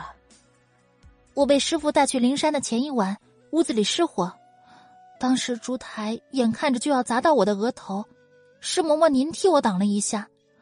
当时烛台连同烛火都倒在您的手腕上，虽然大夫来得及时，可烙印却还是留下了。在您刚刚朝我伸手时。我便发现了这烙印。云柯眼底有些发酸，前世他并没有认出白嬷嬷来。他独自住在西院里，身边侍候的丫头起夜时，总说看到可疑的人影在院子里晃动。传的多了，便说西院闹鬼。后来他身边伺候的人也就越来越少，他对荣巧的依赖也就越来越重。惊吓到小姐，老奴该死。白嬷嬷再次跪下，并没有为自己刚刚的行为辩解。我知道嬷嬷是想试探我，我不怪。锦院里娘亲留下的人并不多了，嬷嬷可愿意回来我身边？是。第二十四集，白嬷嬷不回答云柯的问题，反问道。小姐对那荣巧，云柯一愣，知道白嬷嬷这是要她的态度，眉眼一冷。他当初对娘做的事情，我会让他一一还回来的。还有前世，荣巧母女对他造下的孽，他也会一一讨回来。白嬷嬷点点头，似乎对于他这答案很满意。那烟波琉璃裙，小姐可一定不要穿在身上。荣巧那狠毒之人，将烟波琉璃裙用最辣的辣椒浸泡了数天，然后又用去药的药物熏了数天。这裙子要穿在人身上，定会疼痒难耐的。嬷嬷如何知道？云柯有些不解。之前认为这烟波琉璃裙是荣巧特意为他准备的，可现在看来，时间上确实有些对不上。只见白嬷嬷突然冷下脸来，恨恨的说道：“因为荣巧这是故技重施。当年，她就是这样害小姐，被三老爷责罚的。”云柯瞬间了然，明白白嬷嬷嘴里说的小姐。定是指他的生母容黛，顿时胸腔里的恨意更为浓厚。招来韩月，在他耳边吩咐几句，见韩月猛地点了点头，然后就出门去了。云柯与白嬷嬷又说了一会儿话，白嬷嬷愿意回到锦院云柯的身边，但却认为目前并不是最好的时机。云柯也同意等从大将军府回来再说。傍晚时分，云商突然来了锦院，一进门便命令云柯将那烟波琉璃裙给他拿出来。对于他的咄咄逼人，云柯却是只顾着自己喝茶，连眼皮都没抬一下。这可是乔姨娘特意送来给我们家小姐，让她在大将军寿宴上穿的。四小姐可不要太过分。韩月气愤难当，当即便上前同云商理论。那云商似乎早有准备，朝身边的丫头使了个眼色，那丫头便赶紧将手里捧着的另外一套衣服捧到云柯的面前。切，是玉嬷嬷那老奴才弄错了，这套衣服才是我娘送给你，让你在荣府寿宴上穿的。那套烟波琉璃裙是我娘留给我的，你赶紧的还给我。因为那天被云柯打巴掌的事情，云商到现在。还对云柯有些惧意，但是想到下午听到下人们都在议论，说是娘亲居然将自己的嫁妆烟波琉璃裙送给了云柯，而他作为亲生的女儿都没有的荣耀，为什么要让给云柯呢？他不服气，明明那套烟波琉璃裙他可是想了好久的，何况荣府寿宴这么重要的场合。他怎么能让云柯这个野丫头比自己更优秀呢？所以，哪怕是害怕云柯，他也还是来了。四妹妹，这话可不能这么说。玉嬷嬷可是姨娘身边的老人了，她怎么可能会弄错呢？云柯据理力争，很不情愿的将烟波琉璃山给让出来。云商见云柯吃瘪，心里又爽快了几分。担心云柯又动手打他，所以他近日来锦院，不但带了丫头来，还特意带了几个侍卫护院来。我说弄错了就是弄错了，总之，这烟波琉璃裙我要定了。斐儿，去把烟波琉璃裙拿来，这样华美的衣服，也就只有我能压住。三姐姐，你没有那么本事，还是乖乖的认命吧。云柯被云商的话气得发抖，但云商哪里会在意他生不生气，直接指挥身边的丫头将云柯放在桌上尚未来得及收拾好的烟波琉璃裙给直接抢走，然后他像是身后有鬼在追一般，带着自己的人疾步走出锦院。云柯见他那迫不及待的样子，冷笑几声：“哼，云柯。”这可是你自己挑的路，我可没逼你。是。第二十五集，很快便到了荣大将军寿宴的这一天。定国侯府男女主子都要去大将军府祝寿，所以各房各院都早早的起床。云柯更是天还没亮就已经梳妆打扮好，站在福寿堂候着了。张嬷嬷见他来了，便赶紧将他请到了内室。见老夫人也已经起床了，但接过身边丫头的活儿，替老夫人拧帕子擦脸。你这丫头，怎么就不多睡一会儿啊？我这都有下人招呼着。您这福寿堂里的丫头，个个都是能干的，但孙女想多亲近祖母，所以就只好抢了丫头们的活喽。云柯俏皮的说着，那娇俏的模样跟寻常人家孙女向祖母撒娇一样。老夫人听他这么一说，先是一愣，但随即又哈哈大笑起来。你瞧瞧啊，瞧瞧，说他胖。他还喘上了，话是这么说，但话语里的亲昵却也不像是作假。一屋子的丫头嬷嬷都迎合着老夫人，适时的夸奖了三小姐几句。云柯则是抱着老夫人的手臂，有些气恼的跺了跺脚，倒像是有些恼羞成怒了。老夫人又是哈哈一笑，远远的就听到了娘的笑声。不用想也知道，肯定是三丫头在这里。咱们府里如今也就是三丫头才有这个本事喽。花厅里，李氏的声音远远的传来。张嬷嬷小声提醒，说是大夫人带着两个孩子也都来了。正好老夫人梳妆好，云柯便扶着老夫人走出内室。花厅里，李氏带着云舟和云芝正笑吟吟的看着他们。云柯上前见礼后，便又回到老夫人的身边。李氏上下打量了一番云柯，满意的点点头道：“ 我原先还在猜想柯姐儿会挑哪个颜色，倒是没想到她竟是如此的适合这浅紫色。这水灵灵的模样走出去，谁都会赞一声好姑娘呢。”李氏的话。让老夫人的目光也落在云柯的身边，稍稍点了点头，算是赞同李氏的话。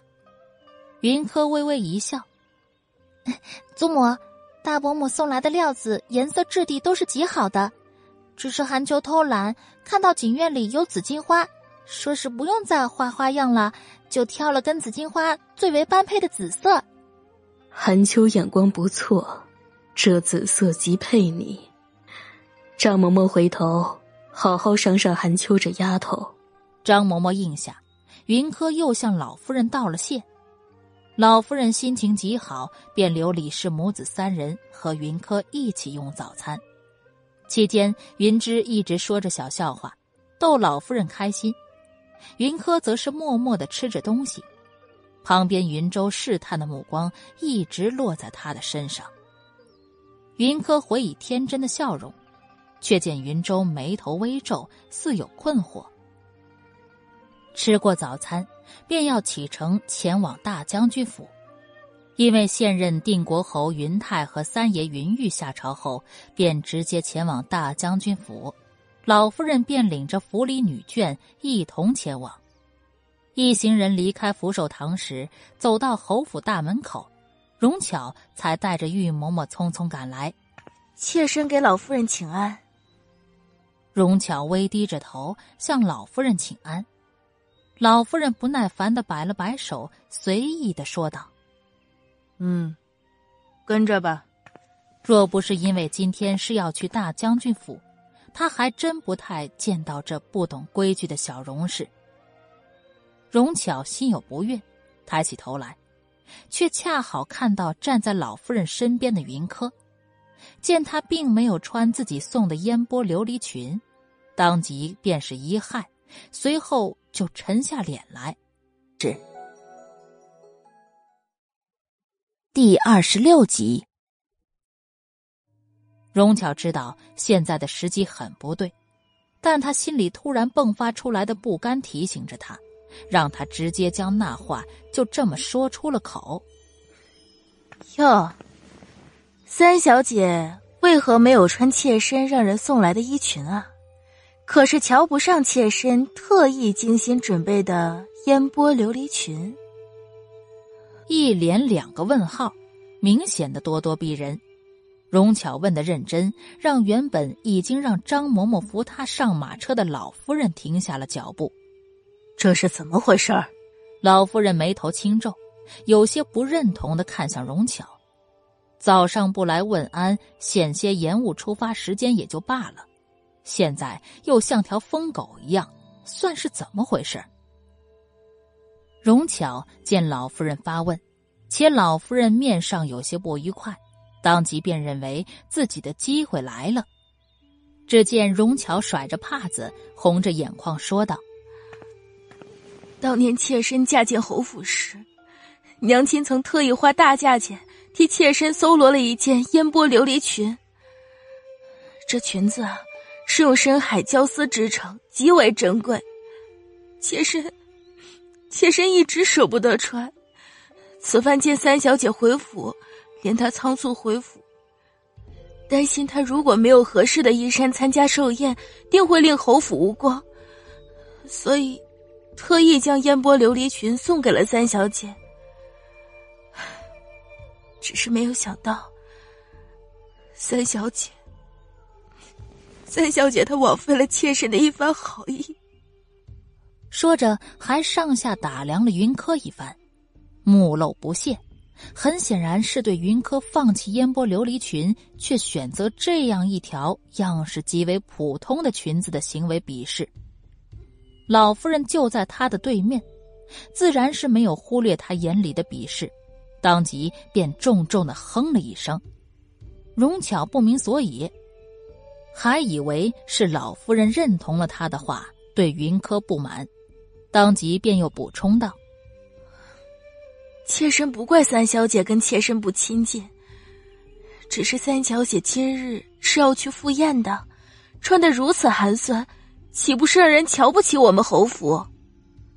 这下李氏再也坐不住了，甩开扶手的嬷嬷，腾腾两步直接走到荣巧的面前，指着她的额头直接开骂：“荣巧，你要炫耀嫁妆，回你的三房去！”这不是你嘚瑟的地方，你那烟波琉璃裙再好，也是你的旧物。柯姐不喜欢，你也不能逼她。至于柯姐身上穿的这套衣服，料子是早些日子皇上赏给我们侯府的，据说是南边的贡品，可不是你说的什么寒酸料子。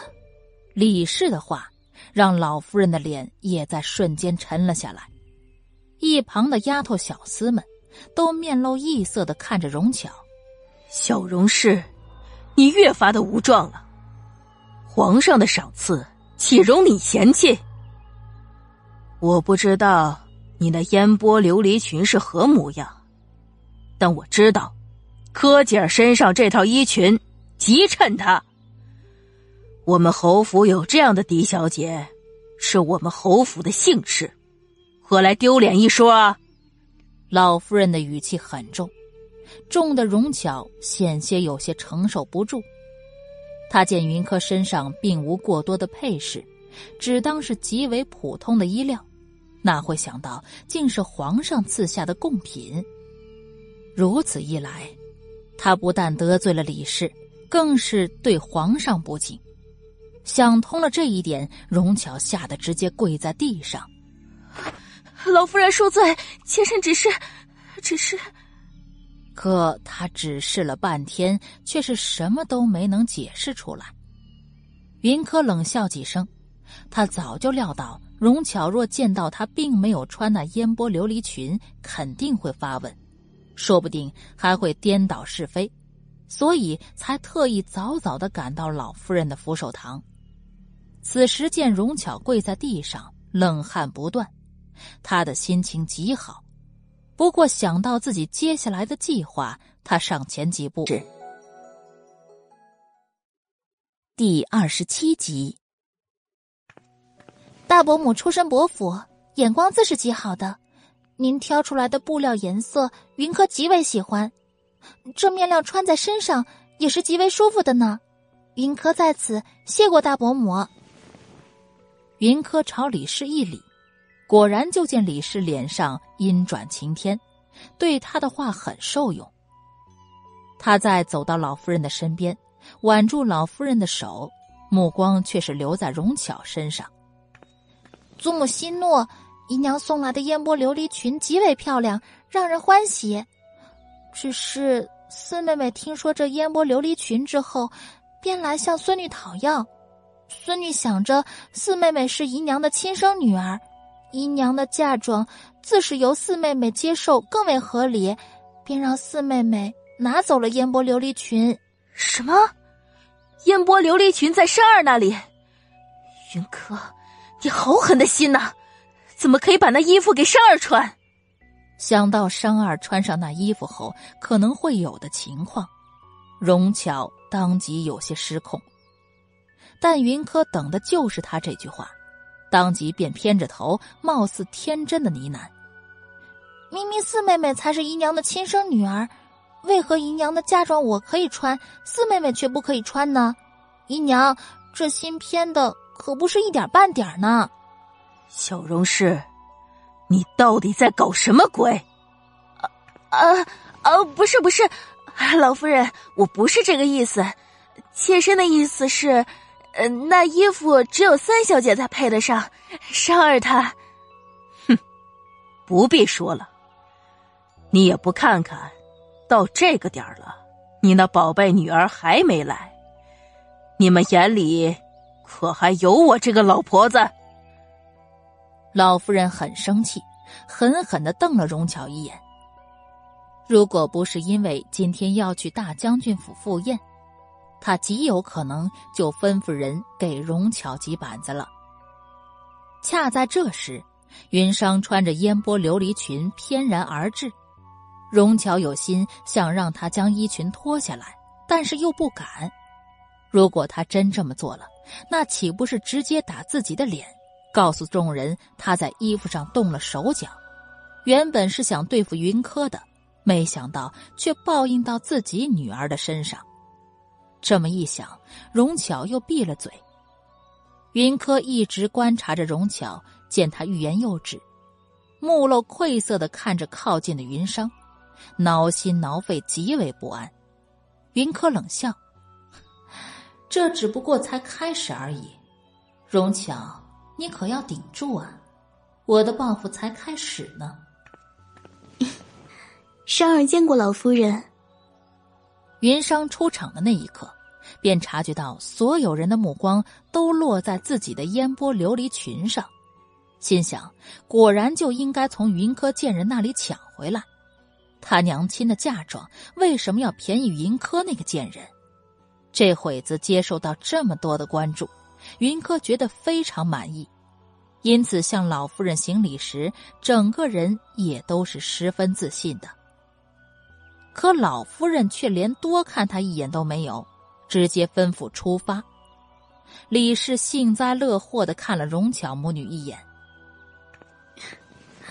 荣姨娘的嫁妆的确是漂亮，只希望四小姐今日好好的保护这烟波琉璃裙哦，可千万别中途被什么给弄脏了，闹出要换衣服的事情来就不好了。李氏话中的意思很明显。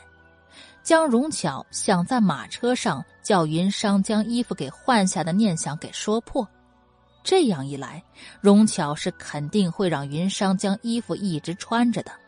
到那时候，受罪的可就是云裳了。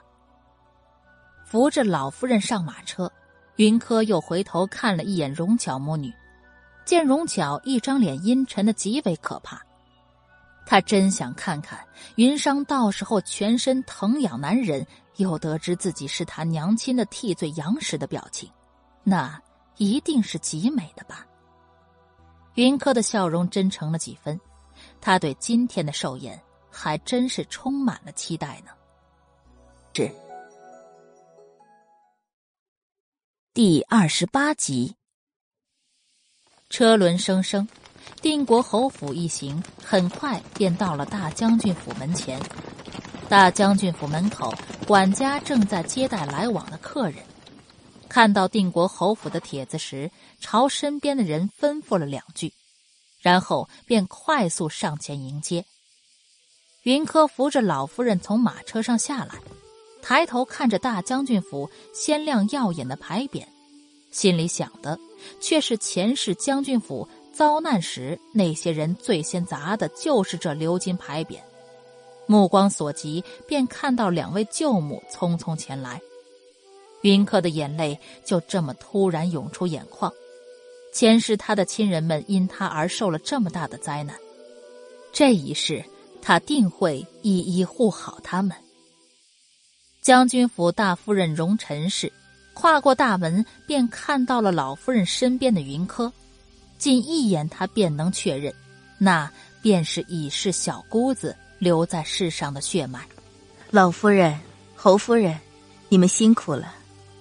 跟老夫人和李氏一一打过招呼后。荣臣氏才把云柯给拉入怀里，摸了摸他的头，爱怜的说道：“哎呦，柯儿都这么高了，你外祖母可是天天念叨着你呢。”一旁的二夫人荣乔氏也是温柔的看着云柯。老夫人难得的没有不悦，想着孙女受荣家欢迎庇护也是极好的，至少日后嫁人也能多一层倚仗。倒是位于最后面的云商最先不满，他故意抖了抖身上的烟波琉璃裙，然后往前挤到荣陈氏和荣乔氏的面前。二位舅母，今日外祖父生日，珊儿都迫不及待的想给外祖父祝寿了呢。不知外祖父现在在哪儿呀？他看不得云柯被荣家人如此的重视，明明以前他每次回荣府时，荣家人眼里看到的都是他。如今却被云柯抢了这个先，他心里很是不爽。荣臣氏正伤感着，被云商这么一打断，才想起云巧和云商母女也来了。眉宇极为快速的闪过一抹不悦，但随后又快速的收敛，朝荣巧点了点头，然后对云商说道：“将军正在前院待客呢，四小姐别急。”叫云柯为柯姐儿，叫云商却是四小姐，这亲疏明显可见。可云商却并没有听出其中的意思来，并说大将军正在前院待客，他就想直接往里冲。商姐儿，老夫人喊了一声，云商回过头来看着老夫人，见她脸上有着明显的不悦。吓得嗫嚅的退了回来，像求救般看了一眼自己的娘亲，却见娘亲也不赞同的看着他，有些不服气的云商原地跺了跺脚，很是不开心。云柯从荣臣氏的怀里退回到老夫人的身边，扫了一眼老夫人黑沉沉的脸，心里明白了几分，接着对荣臣氏说道：“让舅母见笑了。”四妹妹她性子活泼好动，这虽是事实，但如果由老夫人说出来，那就是定国侯府主母为一介庶女向大将军府放低姿态。老夫人向来爱面子，肯定是不愿意的。但她一个小辈说出来，却不会有这样的顾忌。她是嫡姐，替庶妹遮掩，这是自然而然的。荣臣氏自然也就想明白了其中的弯绕，当即便朝云柯笑道：“ 你这孩子，四小姐性子向来如此，舅母早就见怪不怪了，亏得你还替她来道歉。”这话有多层意思，暗讽云商向来就是如此，但看荣臣氏一张笑脸，又让人觉得可能是错觉。一直没说话的李氏。却是多看了一眼荣巧，见他脸上极为不好看，当即便心情大好。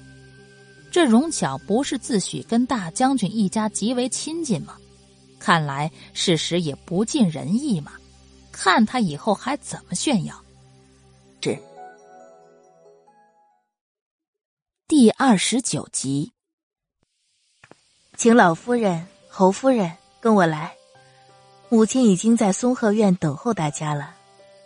荣臣氏向老夫人恭敬一礼，然后前面带路。老夫人点点头，便领着身后大队人马跟着进入大将军府。大将军府满门军功，即便是荣臣氏、荣乔氏，也都是有诰命在身。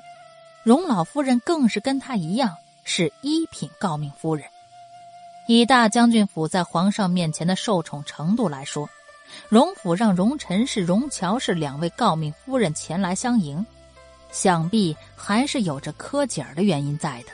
这些老夫人看得分明，她并不是不知情理之人。孙女能得外祖家重视，她自是开心的。目光落在身旁一直沉稳安静的孙女身上，老夫人暗暗点了点头。这才是大家闺秀该有的气度。反观身后一直小动作不断的云裳身上时，老夫人脸色暗沉不少。一行人终于到达松鹤院，下人禀报之后，荣老夫人便激动的站起身来，最后还是身边的嬷嬷提醒，她才又坐回椅子里，只是目光一直留在入口的位置，如荣臣氏一样。荣老夫人也是第一眼就看到了洛老夫人身边的云柯。两位老夫人一番寒暄后，荣老夫人又一一问过李氏和云芝，终于是克制不住内心的激动之情，朝云柯招手：“柯儿姐，来，上前来，让外祖母看看。”云柯含着泪水上前，低低的唤了一声。外祖母，眼泪便再也控制不住的流了出来。担心会让人诟病，他赶紧拿了帕子试镜。外祖母的小心肝，这些年可苦了你了。荣老夫人心疼外孙女，想着外孙女自小就没有了生母庇护不说，还得远离家人，去到灵山那么遥远的地方。心里又是一阵的绞痛。外祖母，科儿不苦，师傅待科儿如亲人，对科儿很好的。再好，可终究远离京城。外祖母想见你一次，也是难得呀。荣老夫人有些感慨，祖孙二人紧紧相拥的场面让人动容。一旁的荣臣氏也是眼眶红红。但他还顾忌着有别的客人在，便上前劝慰道：“母亲，科儿如今已经回京了，定国侯府和咱们将军府隔得如此近，日后您常让科儿回来走动走动就是了。”荣臣氏的话算是提醒了荣老夫人，她摸了摸云柯的头顶，轻声交代：“你大舅母说的是，日后多回来走动走动。”云柯则是回头看了一眼洛老夫人，眼里满是乖巧。骆老夫人见他关键时候还记得自己这个祖母，心里甚是欣慰，于是朝他点了点头。云柯则才应下荣老夫人的话，又说了几句哄荣老夫人开心的话。松鹤院里的气氛再次活跃起来。至于荣巧和云裳母女两个。则像是被人遗忘了一般，无人问津。荣巧因沉着脸，想着是不是要找个借口离开松鹤院去二房找父亲商量。云裳却浑身扭来扭去，极为不舒服一般。云柯一直关注着荣巧母女，自是发现了云裳的异常，但他却当作没看见般，跟两位舅母继续说话：“祖母，祖母。”这时，有个兴奋的声音传来，紧接着就是阵阵脚步声。第三十集，妻儿不得放肆！荣老夫人一声呵斥，可那说话之人却是已经走了进来。祖母，我听说姑姑家科儿妹妹来了，我来看看。荣琪将祖母的那声呵斥给抛在了脑后，一进门便在人群中搜索。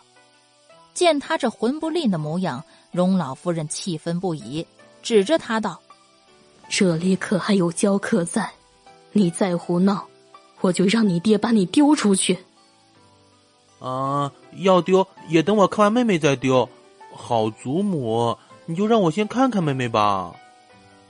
一边说着。还一边将屋子里的人都扫了一遍，然后便直接站在了云柯的面前。嘿，你就是柯二妹妹吧？我看过姑姑的画像，你跟她长得如此相似，那就一定是你啦。我叫荣奇，是你的二表哥，你叫我一声奇哥哥就是啦。荣奇噼里啪啦的说了一大堆，云柯却是被他转的有些脑袋发晕。眼见着荣老夫人又要再训斥，骆老夫人忙出来打圆场。老夫人勿怪，二少爷跟科儿本是血脉至亲，第一次相见难免激动了些，能理解的。荣老夫人还没来得及开口，荣琪就先谢恩了。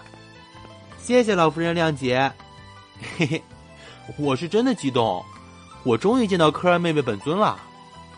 一旁的荣老夫人被他逗得哭笑不得，只得隔空指着他的额头骂了一句“泼皮”。